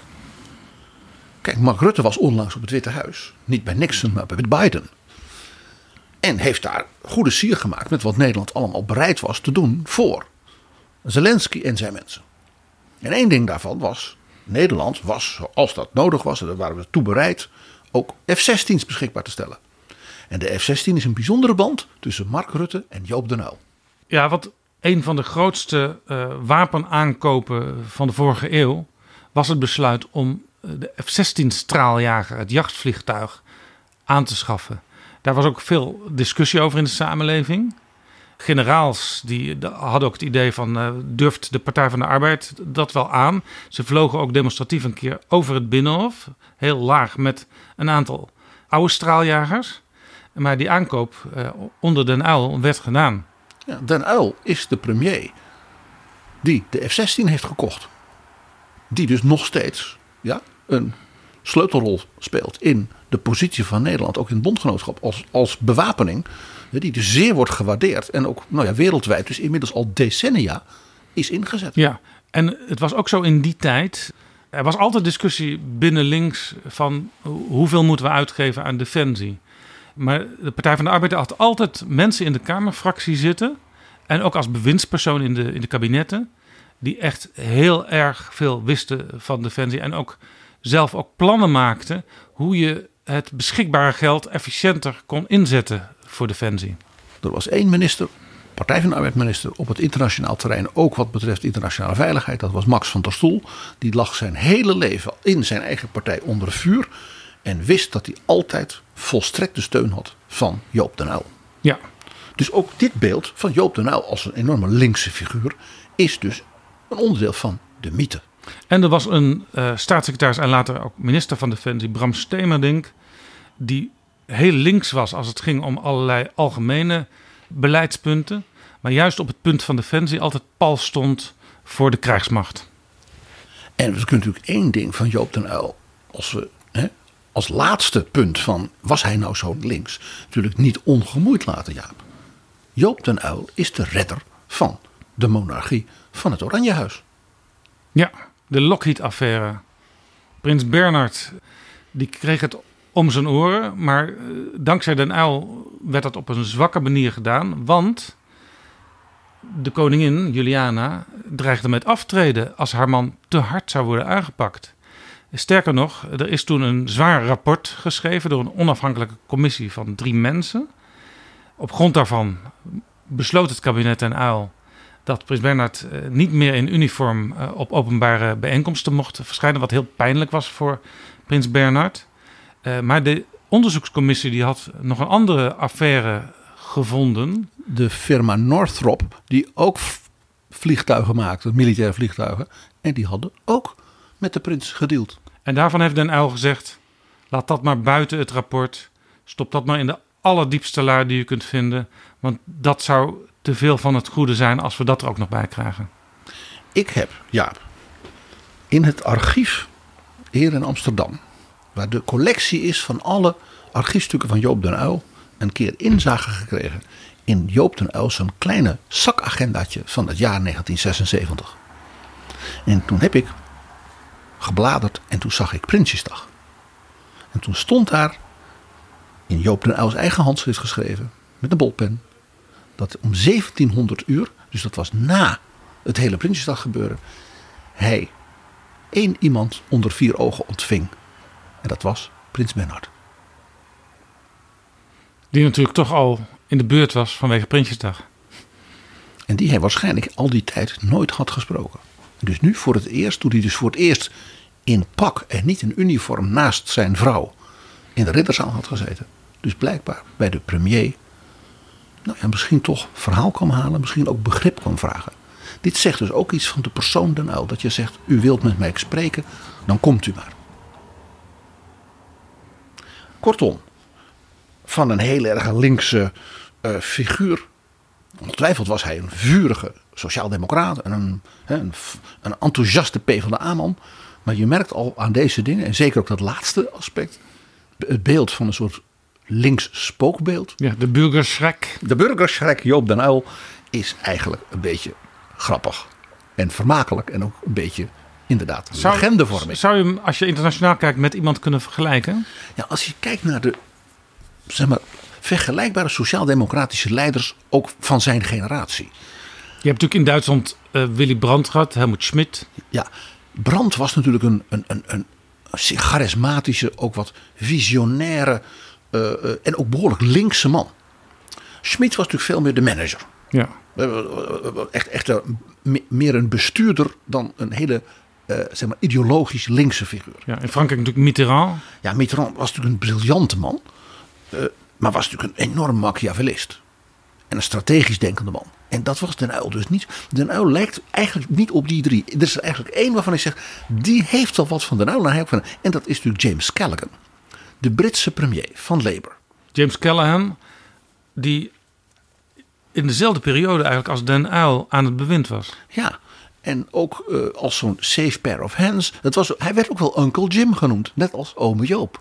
Hele, hele eh, rustige man was het. Ja, een hele rustige man. Eh, en iemand die letterlijk ook elk ministerie aankon. Hij is een, ik geloof de enige premier in de 20e eeuw. die zowel minister van Financiën, minister van Binnenlandse Zaken. Als minister van Buitenlandse Zaken is geweest. Dus een zeer ervaren, brede, eh, generalistische man. En daarin leek hij nu ook wel op Den Uyl. En ja, eh, eh, zoals Den Uyl dus een bijzondere warme band had met Juliana. weten we dat Queen Elizabeth heel erg goed met James Callaghan om kon gaan. Dus misschien dat de Uyl... En ja, één ding. James Callaghan was geen Jeremy Corbyn. En geen Michael Foot. Dat was niet iemand van de drammersvleugel binnen Labour. Nee. Nee, sterker nog, eh, daar had hij eerder last van dan dat hij er voordeel van had. Ja.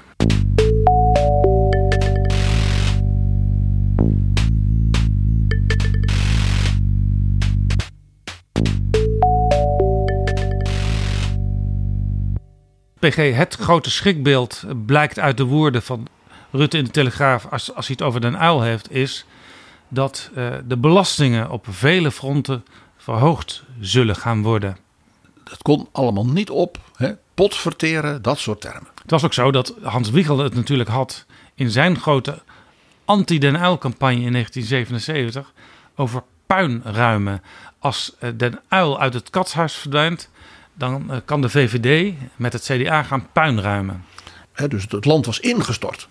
Financieel, economisch aan de grond. Ja, want de overheid als, eh, zoals ze dat toen noemden, heer Albedil, die had overal zijn klauwen omheen zitten en inzitten. En ja, die klauwen die moesten, die moesten eigenlijk afgehakt worden, want eh, de burgers moesten zelf het weer voor het zeggen krijgen. En dus minder zware belasting dan in die tijd van Den Uyl. Zullen we eens even naar de koele cijfers kijken, PG? Voordat Den Uyl aantrad, had je de kabinetten De Jong en Biesheuvel. Waar de VVD in zat. In die kabinetten verdubbelde de staatsschuld. Toen kreeg je het kabinet Den Uyl. Daar was geen sprake van een verdubbeling, zoals in die vorige kabinetten, maar van een stijging van 30 procent. Dus de minister van Financiën van Den Uyl, Wim Duisenberg, was aanzienlijk meer op de penning en had meer de hand op de knip dan dus de VVD-bewindslieden in die vorige kabinetten. Ja, en in het kabinet van Acht Wiegel kwam er opnieuw een verdubbeling. Van de staatsschuld. Jaap, wij weten uit de prachtige verhalen en memoires van mensen die dus met Joop den Uyl hebben gewerkt, dat hij in de ministerraad, omdat hij natuurlijk zo'n enorme ja, know-how had van economische politiek, ook uit zijn Via die Beckman periode, dat hij ervan hield om hele grote economische betogen te houden. En we weten dus ook dat Dries van Acht, als zijn vicepremier en jurist, dan vooral diep ging zitten zuchten, want die vond dat vreselijk en die begreep er helemaal niks van, zei hij altijd eerlijk. Maar hij had dan in de ministerraad twee jonge ministers die na een tijdje elkaar even aankeken en hem dan, nou niet de mond snoerden, maar wel zeiden: Joop, nu is het wel goed. Dat zijn allemaal prachtige theoretische verhalen van jou. En je hebt, eh, hè, je hebt Keynes goed gelezen. Maar nu weer even terug naar de Rijksbegroting. Want we moeten hè, die, die extra uitgaven, daar is geen ruimte voor. En daar kan het ietsje minder. En die twee ministers, die hebben dat echt gewoon vier jaar lang gedaan. Die noemden zichzelf ook het duo.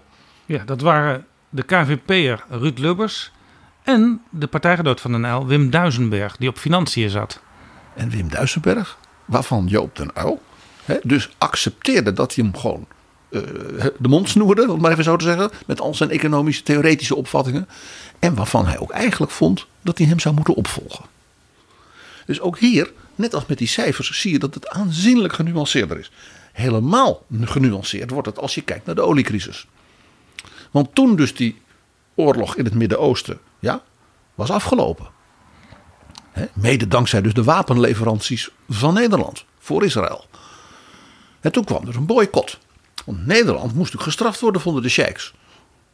Dat had dus Den Uil veroorzaakt.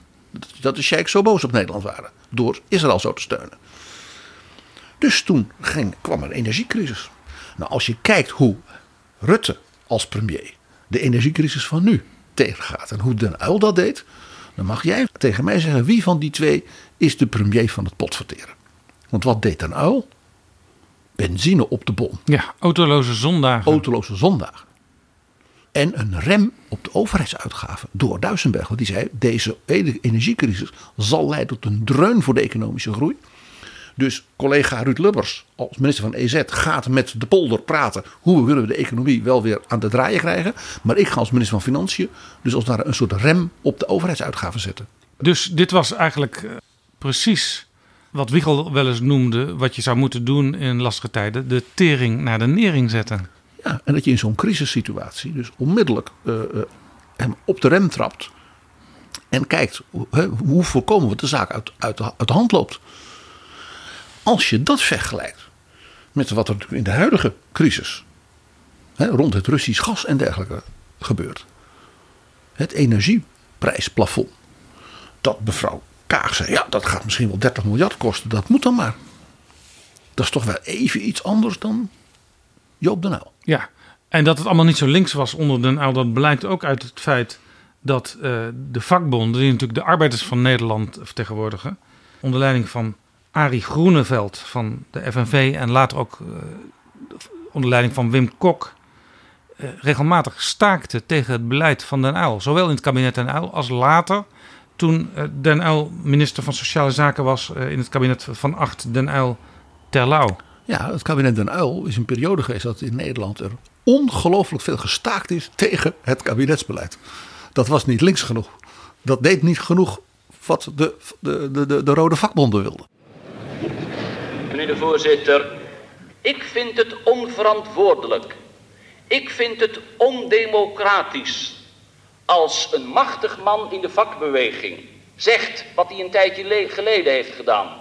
Dat honderdduizend werklozen hem geen zier kunnen schelen. Ik vind het onverantwoordelijk en ondemocratisch dat diezelfde man zegt dat de inflatie hem ook geen snars uitmaakt. Ik vind het ondemocratisch en onverantwoordelijk dat een man, dezelfde man Groeneveld, zegt dat komt er na 29 november. Een kabinet waarin niet de Partij van de Arbeid de dienst uitmaakt, dan zullen wij wel eens wat laten zien.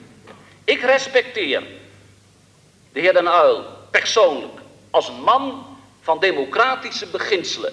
Maar ik verwacht ook dat juist hij heel duidelijk zegt aan welke kant hij in dit conflict binnen de vakbeweging staat. Ik begrijp best dat hij het daar moeilijk mee heeft, want het is voor hem een moeilijke keuze. Maar ik vind het in het belang van het land. En ik vind het van groot belang voor de beoordeling van het toekomstig beleid van de Partij van de Arbeid. Als wij hier te horen krijgen vandaag in deze Kamer of de heer Den Uyl een man is die staat achter het constructieve beleid dat in dit land kan worden gevoerd of achter het beleid dat erop gericht is om deze maatschappij, ik zeg het zeer populair en zeer onparlementair, meneer de voorzitter, maar wel juist om deze maatschappij naar de bliksem te helpen. En toen Den Uyl dus minister van Sociale Zaken was, heeft men helemaal gestaakt, want hij zei, ja, we zullen in het kader van de versobering van de sociale zekerheid misschien wel de eerste of de eerste twee dagen dat iemand ziek is niet doorbetalen. Nou, Malieveld vol. Ja, en eh, het kabinet aan Uil was ook het eerste kabinet dat het begrip ombuigen in praktijk bracht. Ombuigen, dat betekende in feite een minder sterke groei. Jaar op jaar, kabinet op kabinet, groeiden de overheidsuitgaven door. En Duisenberg, die zei, eh, daar moeten we een rem op zetten. Er kan nog wel groei zijn, maar die kan niet meer exponentieel zijn zoals de afgelopen kabinetten. Ja, dus Duisenberg die maakte een soort lange termijn plan voor de overheidsuitgaven. Bij die zei als dan de Nederlandse, de koek in Nederland, een jaar zeg maar 3% groeit. Dat hij zei dan gaan we altijd proberen de overheidsuitgaven als er een procent minder te laten groeien. Dat werd dus ook wel later de Duisenberg-norm genoemd. Ja, de 1%-operatie. Ja. Overigens, wat ook wel een interessant fenomeen is, dus die dat verzet vanuit de vakbonden, zowel tegen het kabinet Den Uyl als tegen Den Uyl op sociale zaken, had natuurlijk een opmerkelijk effect. Want die maatregelen werden wel genomen. Dat leidde ertoe dat vakbondsleider Wim Kok tot de conclusie kwam dat het contraproductief ging werken, deze houding.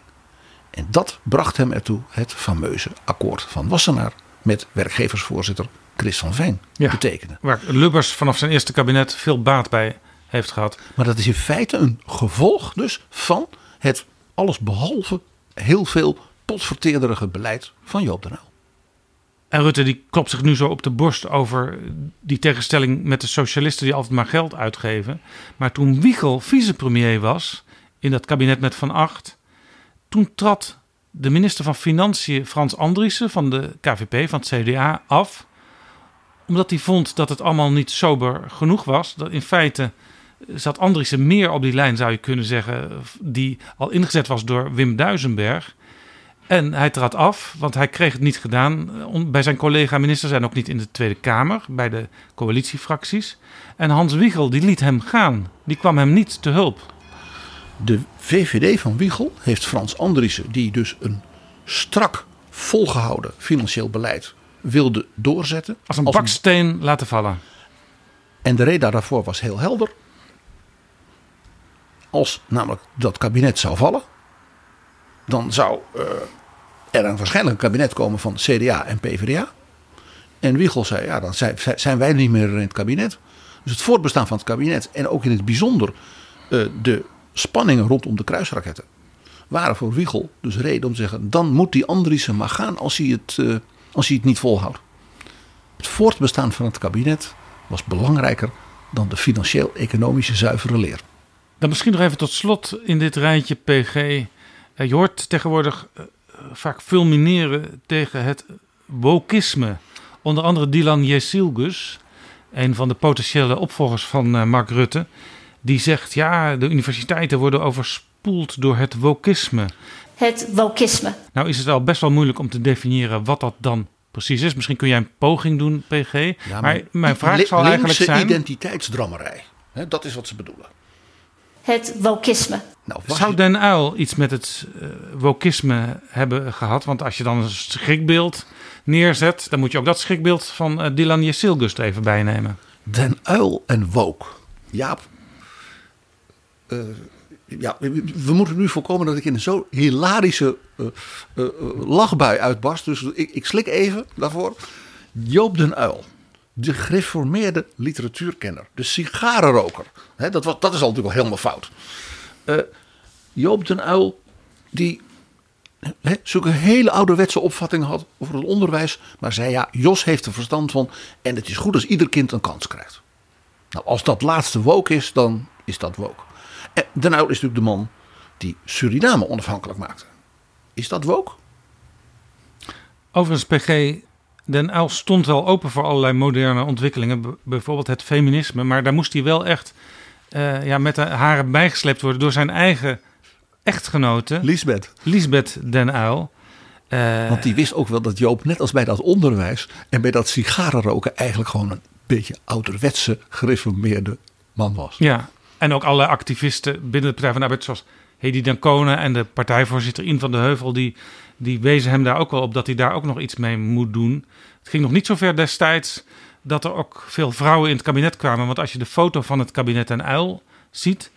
dan staat daar één uh, vrouw op het bordes van de Partij van de Arbeid... maar van alle partijen. En dat was Irene Vorink...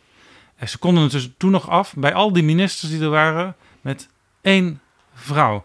Er was trouwens op een gegeven moment. Ze waren dus niet veel vooruit gegaan ten opzichte de tijd van de jaren 50 hè, met Marga Klompé als die ene vrouw in het kabinet. Ja. Zo progressief en woke waren ze dus. Ja.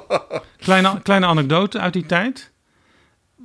Men was niet altijd zo heel blij met Irene Vorink in het kabinet. Dus er is ook wel eens gesproken, zouden haar niet door iemand moeten vervangen? In de Tweede Kamer zat Bram van der Lek. Dat was een uh, milieuspecialist. En die was van de PSP, hè? Die was van die radicale, veel linksere partij, de PSP. Maar hij was dan wel weer van de gematigde vleugel. Want ook daar had je vleugels. Zelfs als ze twee zetels hadden, dan zat er een radicaal in. Dat was Fred van der Spek. En een gematigde milieubioloog. Dat was Bram van der Lek. Er is toen zelfs even gesprek met Bram van der Lek geweest. Of hij misschien niet zou willen toetreden tot het kabinet, tussentijds dus, om Irene Vorink te vervangen. Het komt uit de kringen van Bram van der Lek zelf. Uh, maar Bram van der Lek zei meteen: nee, dat gaat niet gebeuren. En dat was niet omdat hij dat misschien voor zijn partij niet kon maken of zo. Hij zei: want dan verdwijnt de enige vrouw uit het kabinet. Dus die PSP was er toen veel meer mee bezig dan de Partij van de Arbeid zelf. Zo zie je maar. Zo zie je maar. Eén ding vind ik het beste argument wellicht. Om te zeggen, nou, wokisme, dat soort linksgedram. Nee, daar kun je Joop den Uyl niet van beschuldigen. Want in één opzicht heeft Mark Rutte ook weer heel veel geleerd van Joop den Uyl. Want de Mark Rutte die daar stond voor Nederland bij MH17. Dat is natuurlijk ook de Joop den Uyl, zoals hij er stond bij die oliecrisis, bij de hele serie grote terroristische aanslagen die in die jaren in Nederland kwamen, en natuurlijk ook de man die in de Kamer ja, zijn namens het kabinet sprak over de Lockheed-affaire en zei: dit is iets wat ja, ons allemaal raakt. Sterker nog, en dat deed hij op een manier van op een staatsmanschap wat je eigenlijk altijd bij Den Uyl moet releveren. Ja, en je noemt de MH17, waar Mark Rutte dat ook van Den Uyl kan hebben afgekeken. Ik noem nog een puntje bij Mark Rutte, wat hij zeker van Den Uyl heeft afgekeken. Want dat heeft Rutte ook erkend. Dat is zijn televisietoespraak bij corona. Uh, uiteindelijk twee televisietoespraken en ook nog eentje van de koning. Maar Rutte zei, ja, ik heb nog eens naar Den Uyl gekeken hoe hij dat toen deed. En uh, daar heb ik van geleerd bij het voorbereiden van mijn toespraak. Kortom, zeker ook op dit cultuurpolitieke thema is de gedachte dat Joop den Uyl een soort nachtmerrie in spookbeeld is, vooral mythe. Dit is Betrouwbare Bronnen. Rutte heeft heel goed opgelet hoe de politieke geschiedenis rondom Den Uyl is geweest. En hij heeft dus ook veel van Den Uyl geleerd, bijvoorbeeld in die crisismomenten. En toch, en toch gebruikt hij Den Uyl nu vooral als spookbeeld. En ik denk dat hij daarbij heel wel weet welke kiezersgroep hij daarbij als daar een beetje kietelt. En dat zijn die kiezers waarvan we weten dat ze ook bij statenverkiezingen toch altijd naar de stembus gaan. Dan hebben we het dus over mensen nou boven de 65. Die gaan stemmen. Dat zijn trouwe kiezers. En laten daar nou in die groep toch nog veel mensen CDA stemmen. En die hebben nog wel herinneringen aan die tijd van ome Joop. En het gedram hè, van die rooien tegen onze Dries. Ja. En tegen Ruud.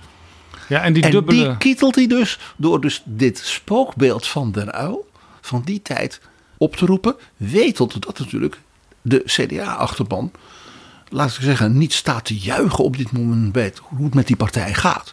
En hij ze misschien dus wel een beetje kan lokken. Ja, en die, dat dubbele algoritme van mensen die vaak CDA hebben gestemd en uh, 60 plus. Dat zijn ook juist de mensen die uh, naar de provinciale staten stembus gaan. Uh, waar heel veel andere eh, mensen, jongeren vooral, het laten afweten. En dat weet Mark Rutte. En daarom houdt hij het dus ook zo suggestief. Het is in zekere zin vaag wat hij roept. Het, appelleert me aan, aan ja, bepaalde emoties. Nou ja, zoals jij vertelde, als Joop den Uyl op de televisie kwam, dan werd of de tv uitgedaan of er werd gevloekt. Precies dat. Daar appelleert hij aan. NPG, en dat vind ik toch altijd wel het allervermakelijkste als het gaat over Mark Rutte en dat spookbeeld van Joop den Uyl. Er is eigenlijk niks liever, ik heb het al wel eens vaker gezegd in betrouwbare bronnen, maar er is eigenlijk niks liever wat Mark Rutte doet als hij echt even helemaal vrij is. Voor te relaxen. Dan kruipt hij bij Jort Kelder in zijn uh, duinhuisje. En dan heeft Jort Kelder ervoor gezorgd dat in zijn computer allemaal filmbeelden zitten. Soms zelfs de onversneden beelden uit het archief van beeld en geluid. Waar je als omroepmedewerker eh, in kan. En dan gaan ze samen genieten. Heel gezellig en kraaiend van de pret, slaand op de knieën, kijken naar alles van Joop den Uyl uit de jaren 70, partijcongressen van de Partij van de Arbeid, maar ook bijvoorbeeld de, die, die, grote debatten waar we het over hadden met Hans Wiegel. Zullen we eens even luisteren hoe dat dan gaat met die twee? Want, uh, Je bedoelt met Jort en Mark? Ja, want een jaar of wat geleden hebben ze eens een podcast opgenomen. Uh, waarin ze ook aan de hand van fragmenten zijn gaan praten. En dan kun je ervan uitgaan dat dat fragment van Den Uyl waar ze naar keken, dat ze dat al tientallen keren samen hebben bekeken. Dat moet een van hun favorieten zijn. We hebben meer grote politieke strijd gehad, uiteraard. Dat mm. bij politiek. Den Uyl Wiegel natuurlijk in de jaren 70. Ja, precies. Maar dit is een debat uh, voor de verkiezing van 1972. Je kunt VVD'ers een boel verwijten. Niet dat ze zeggen dat moet gebeuren en uiteindelijk niet met de centen op tafel komen. Wij houden niet van die Sinterklaas-oplossingen. Dat ligt ons niet. Nee, zo is het. Zal de progressieve drie hebben bij hun programma precies gegeven de kosten. Ze hebben gezegd, wij zullen dat uitwerken. Geef toe, de heer Pen, maar dat is altijd een vluggertje geweest, de kenner van de collegebanken. Die was even voor zijn beurt, was even voor zijn beurt en die schrijft, waar blijven die cijfers en nu kun je dat waarmaken. Die cijfers zijn gekomen. Ik heb van de heer Pen nog geen kritiek gelezen op die becijfering. Want die is bijzonder helder en eerlijk en die zegt, het is een duur programma, we kunnen het uitvoeren. Eerste zin uit het artikel van professor Pen. Ik had het toevallig meegenomen. Nou ja, toevallig. Ik lees keerpunt 72, het concept voor het progressieve regeerakkoord. En ik denk, wat irriteert mij toch zo? Dat is die leuke inleiding waar de heer Den Uyl net over sprak. Nog een zinnetje. Alle kiezers wordt honing om de mond gesmeerd. Sinterklaas pakt uit of het niet op kan. Laatste citaatje, kan nog best doorgaan, maar dat doe ik niet. Deze tekst, die eerder de indruk wekt door gewetenloze reclamejongens bij elkaar te zijn geschreven. Gewetenloos, schrijft Pen. Ik zeg het na koele overweging. Want hier wordt de democratie ondermijnd. Hier worden de mensen opgevoed in de politiek van de illusie. Sinterklaas bestaat. Daar zit hij, achter de tafel. Ja, briljant. Ja, maar ja, dit zijn dus wel waanzinnige tijden. Je hoort Mark Rutte genieten. En trouwens, PG, dit fragmentje wordt heel vaak ook in talkshows uh, vertoond, maar dan heel kort. En dan hoor je Wiegel enorm oreren. Uh, maar dit is misschien ook wel een legende. Je zou haast kunnen zeggen een legende binnen de legende. De mythe binnen de mythe, Jaap. Ja, ja. want wat Wiegel daar zegt, dat is niet zijn eigen tekst. Hij citeert een column van professor Jan Pen. Dat was een, een linkse econoom uit Groningen. Die kritiek had op de plannen van Joop den Uyl voor zijn linkse kabinet die niet doorgerekend waren. Nou was op het moment dat dat debat plaatsvond, waren die net doorgerekend. Dus Den Uyl had in dat debat als het ware het gras voor de voeten van Wiegel weggemaaid. Door te zeggen, ja, professor Pen, hè, ja, ja, dat was een vluggertje van hem. Want die cijfers die zijn er inmiddels wel. Maar ja, Wiegel had die column meegenomen, Ja. dus die wou die toch mee scoren. En de mythe is nu dat eh, ja, het stempel Sinterklaas op Joop den Uyl forever eh, actueel kan blijven tot in de verkiezingscampagne voor de Provinciale Staten. Dankzij van Hans Wiegel. 23.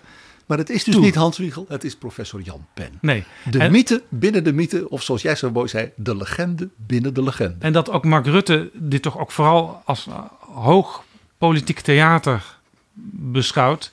blijkt wel uit wat Mark Rutte napratend met Jort Kelder ook nog even zei. Wat ze deden, dat is ook bijzonder. Ze gingen de afloop eten samen. Die gingen altijd eten aan de afloop. En dan zei Wiegos, die het biefstuk op tafel kwam.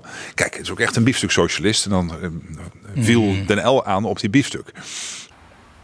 Kortom, het spel van de politiek is voor Mark Rutte toch ook wel heel belangrijk. En sterker nog, bewondering dat je ook zo samen met elkaar omgaat. En dat is in deze tijd van eh, negatieve polarisatie zou je kunnen zeggen. Want in die tijd hadden ze ook polarisatie. Maar nu is het wel allemaal heel zuur en negatief geworden. Is toch wel bijzonder dat je ook zo op die manier met je tegenstander politiek kon bedrijven. Nou ja, zoals we ook weten dat zowel Dries van Acht als Ruud Lubbers, die natuurlijk minister waren geweest onder de Nuil. En enorm hè, met hem hadden geknokt. Dat ze een ongekende bewondering, respect en ook warmte voor de Nuil altijd hebben bewaard. Om te zeggen, die man staat ergens voor. En dat is een, in de goede zin van het woord, zoals die biografie heette, de gedrevene. Die man, dat idealistische had hij. Hij kon ook, hij was ook slim politiek. Hij was vurig en hij zette door. Hij was in dat opzicht ook voor een man als Van Acht en Lubbers ook wel een beetje een voorbeeld als premier. Net als voor Mark Rutte blijkbaar. Ja, en PG, misschien dat er eens een keer een eh, lijsttrekker opstaat die eh, gaat zeggen er moet worden puin geruimd na de kabinetten Rutte. Eh, want ja, als er iemand kan potverteren, dan is het Rutte wel.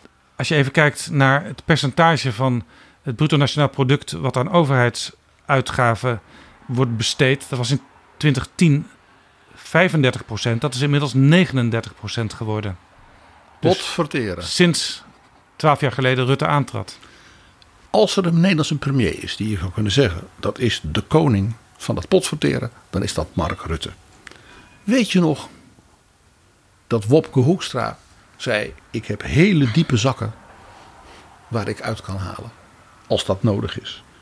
Het is Mark Rutte die dat aanmoedigde. Het was Mark Rutte die zei: Ga maar miljarden lenen hè, in dat Wopke Wiebesfonds, het Nationaal Groeifonds. Ja, en in de coronatijd werden er ook allerlei fondsen geopend om eh, mensen bij te staan zodat ze geen inkomensverlies leden. Eh, en er is wel eens gezegd dat daardoor sommige bedrijven ook ja, niet werden uitgedaagd om aan innovatie te doen en misschien wel failliet waren gegaan in normale omstandigheden los van corona, maar door die staatshulp overeind bleven. En als je heel vals wilt zijn, dat wil ik niet, maar ik zeg het toch heel even. Is natuurlijk het zaken doen van Siewert van Linden ook een voorbeeld van potverteren geweest. Onder leiding van Mark Rutte. Maar het was ook Mark Rutte die natuurlijk wel een Chopin-biografie las. En sputterde. Maar als het puntje bij paaltje kwam. Dan kregen Ursula von der Leyen en Frans Timmermans en ook mevrouw Merkel hun zin in Europa. En het was Mark Rutte, of all people, die in de NAVO-top met Donald Trump. Waarbij Trump zei: Jullie geven niet genoeg geld. En ik wil dus desnoods stap ik uit de NAVO. Dat Mark Rutte zei: Mr. President. Dat klopt niet wat u zegt. Wij Europese landen, ook Nederland, hebben miljarden meer zijn we gaan uitgeven aan defensie. Omdat u daartoe opgeroepen heeft. U moet dat inboeken als uw grote overwinning. Dat vond Trump prachtig. Miljarden meer voor defensie. Dankzij Donald Trump. Al dus Mark Rutte. Dus PG met andere woorden. Sinterklaas bestaat. En hij zit in het torentje. En hij heet Mark Rutte. PG, tot slot. Weet jij wat Rutte elke dag eet als ontbijt? Zullen we het even gewoon aan Rutte zelf vragen? Wie zou dat kunnen weten? Ja, alleen Rutte zelf. Maar hij heeft natuurlijk vrienden. En een van die vrienden is Splinter Chabot. En daar vertelt hij het aan. En dit is mijn eh, kwark met rood fruit. Echt waar? Jazeker. Dus eh, je, je bent niet eh, rood, maar je eet wel rood. Ja, dan heb je minder rode. Hè? nee. Hieruit blijkt Jaap, hij lust ze wel rauw. Dankjewel, PG.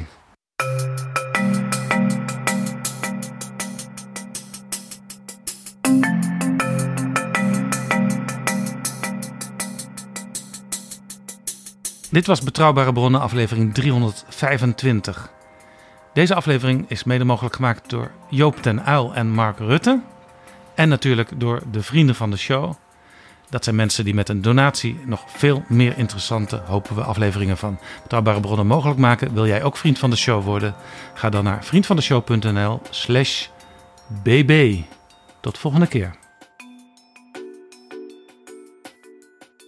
Betrouwbare bronnen wordt gemaakt door Jaap Jansen in samenwerking met dag en.